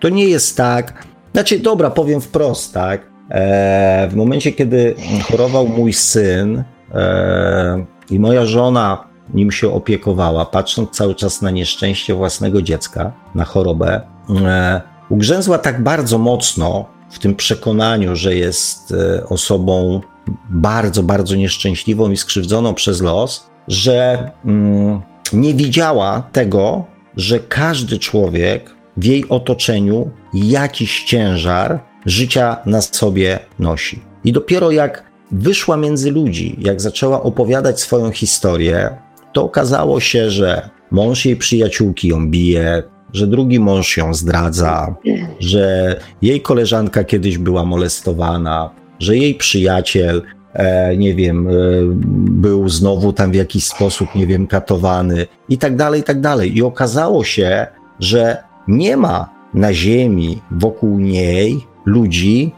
którzy mają życie usłane różami. To jest taka pułapka, pani, jeżeli idziemy w tych no negatywnych ja z tej pułapki zauważamy Pani Moniko, w momencie, tego, momencik, momencik, mhm. momencik, momencik. Ja właśnie z tej pułapki próbuję Panią w jakiś sposób wyprowadzić. Niech Pani porozmawia z ludźmi, znajdzie jakąś grupę ludzi, którzy przeszli i dzielą się swoimi wspomnieniami i niech Pani spróbuje zrozumieć to, że... Mm, ja nie, nie, nie chcę skalować, tak, bo które doświadczenia są cięższe, trudniejsze, jakieś tam inne. Nie chcę tego mm, skalować. Natomiast ludzi, którzy przeszli coś bardzo podobnego do pani, jest na świecie całe mnóstwo. Ja wiem, tylko ja to mówię, że to jest przeszłość. To nie jest tak, że ja utknęłam w tych, utknęłam w tych myślach, że mi jest tak ciężko, tylko chcę pokazać właśnie ludziom, że można wyjść z tych myśli. Ten cały mój tekst to był w, w moim odczuciu, w moim odczuciu te emocje, które pani tu jakby wlała w to czytanie tego tekstu, dla mnie w ogóle nie pokazują, że to jest pani przyszłością. To było trzy miesiące temu, to może dlatego, że to jest jeszcze świeże. Więc ale... to jest bardzo świeże i jest w pani potrzeba wyrzucenia tego z siebie i okej, okay, i okej, okay, tak? Natomiast ja Chcę tylko powiedzieć, że nie jest pani jedyna na tym świecie, która przeszła wie pani, no tak z drugiej strony, mm, myśląc e, sobie, że no nie wiem, jeżeli ktoś kogoś, nie wiem, dziecku powiedział, że jest kretynem, to wie pani, ja znam całe mnóstwo rodzin, w których e, rodzice na co dzień wyzywają dzieci od głupków i debili. E, ja dokładnie wiem o tym, że nie jestem jedyna, ale wiem też, że jest bardzo wielu ludzi, którzy są z takimi problemami jak ja, a nadal tkwią w punkcie wyjścia, że nie potrafią sobie poradzić. Dlatego z tego względu to ja opowiedziałam tą historię. Znaczy, nie z myślą, nie... że mi jest ciężko, tylko że właśnie wielu ludzi jest z takim samym problemem jak ja, a nie potrafią sobie z tym poradzić. Pani Moniko, moje z pytanie takich... brzmi, czy pani sobie z tym problemem poradziła? Radzę sobie. Okay. Na pewno bardzo, duż, bardzo dużo osiągnęłam przez te trzy miesiące i też chciałam właśnie powiedzieć, że w moim przypadku psychoterapia to była najlepsza decyzja, jaką podjęłam w swoim życiu, mimo że pan i pan Kazimierz nie są za psychoterapią, ale ja to może dlatego, tak, że... Nie, pani Moniko, ja nic takiego nie powiedziałem. Ja może taki... dlatego, że na, na, na, swoim przykładzie tego nie doświadczyli i nie mogą nic na ten temat powiedzieć w ten sposób. A skąd pani to wie, pani Moniko? W pierwszej rozmowie było, że... że... A skąd pani wie, że ja nie doświadczyłem psychoterapii? No nie powiedział pan. Ale czy to znaczy, że ja tego nie doświadczyłem? Ale nie było słychać, że pan coś na ten temat mówi. Ale czy to świadczy o tym, czy to jest dowód na to, że ja tego nie doświadczyłem, to, że nie powiedziałem albo nie dałem o sobie poznać? No nie jest dowodem. No właśnie. Dlatego czasami zamiast oceniać, wyciągać wnioski, lepiej o pewne rzeczy pytać. Zwłaszcza, że ja nie powiedziałem, że e, mam coś do psychoterapii. Natomiast y, oczywiście ma pani prawo mówić o swoich odczuciach i y, tych subiektywnych odczuciach, jak pani to odebrała, nie? Natomiast gwoli uczciwości i gwoli prawdy ja nie powiedziałem, że mam coś przeciwko terapii e, i też nie powiedziałem, że nie brałem udziału w psychoterapii. Także no, nie tak... tych słów z pierwszej rozmowy, ale to tak wyglądało, że, że z pani nie wskazują z Pani punktu tak. widzenia tak to wyglądało, więc bardzo proszę w dalszym ciągu starać mhm. o sobie, nie o mnie. E, pod tytułem ja to tak odebrałam, tak, tak pomyślałam, tak mi się wydawało, wie Pani, to jednak e, to bardziej e, określa mm, relacje, tak, i, i to, co Pani wie, bo, bo niektórzy którzy na przykład nie uczestniczyli w tamtej rozmowie, mogą dzisiaj wyciągnąć wniosek, że ja jestem przeciwko terapii, czy tam psychoterapii. Mhm. Wie pani, to tak, a chyba mm, raczej staramy się mówić prawdę, więc mówię, proszę za mnie, jakby za specjalnie nie mówić, dobra? Dobrze, mogą to tak odebrać. No, najprawdopodobniej tak to pani odebrała, tak, bo, bo, bo słowa, że tak powiem, z mojej strony takie e, z pewnością, e, z pewnością nie padły. Natomiast y, jakby nie o to chodzi, to tylko tak na marginesie, bo nie chcę tej rozmowy sprowadzić do tego, bo e, pani, pani, pani opowieść, pani, e, to co pani przeczytała było bardzo emocjonujące.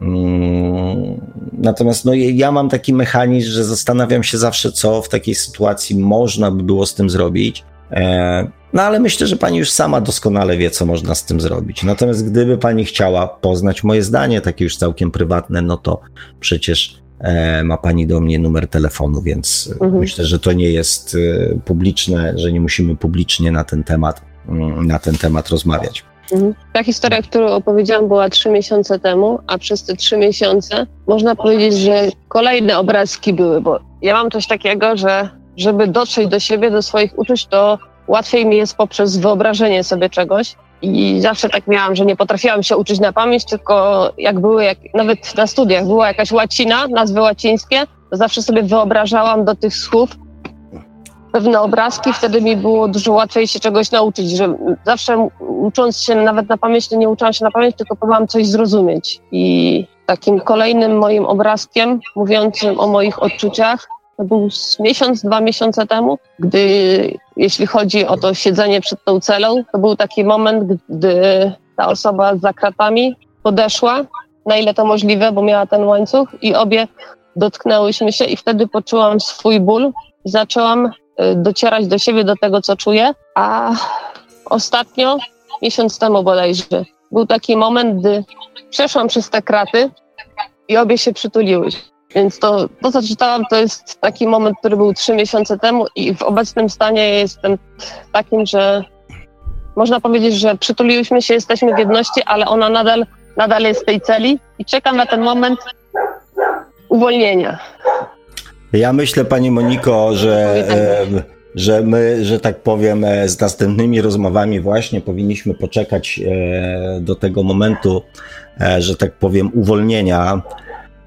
I myślę, że też wtedy mm, będzie Pani miała większy dystans do tego i mhm. mam nadzieję też, że większe mm, zrozumienie będzie mm, tego, co ja próbuję Pani czy dzisiaj, czy w czasie naszej rozmowy prywatnej E, przekazać.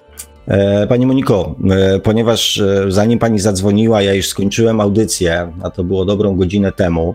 Mhm. Słuchacze, słuchacze zresztą też już się, że tak powiem, z nami żegnali i mówili dobranoc.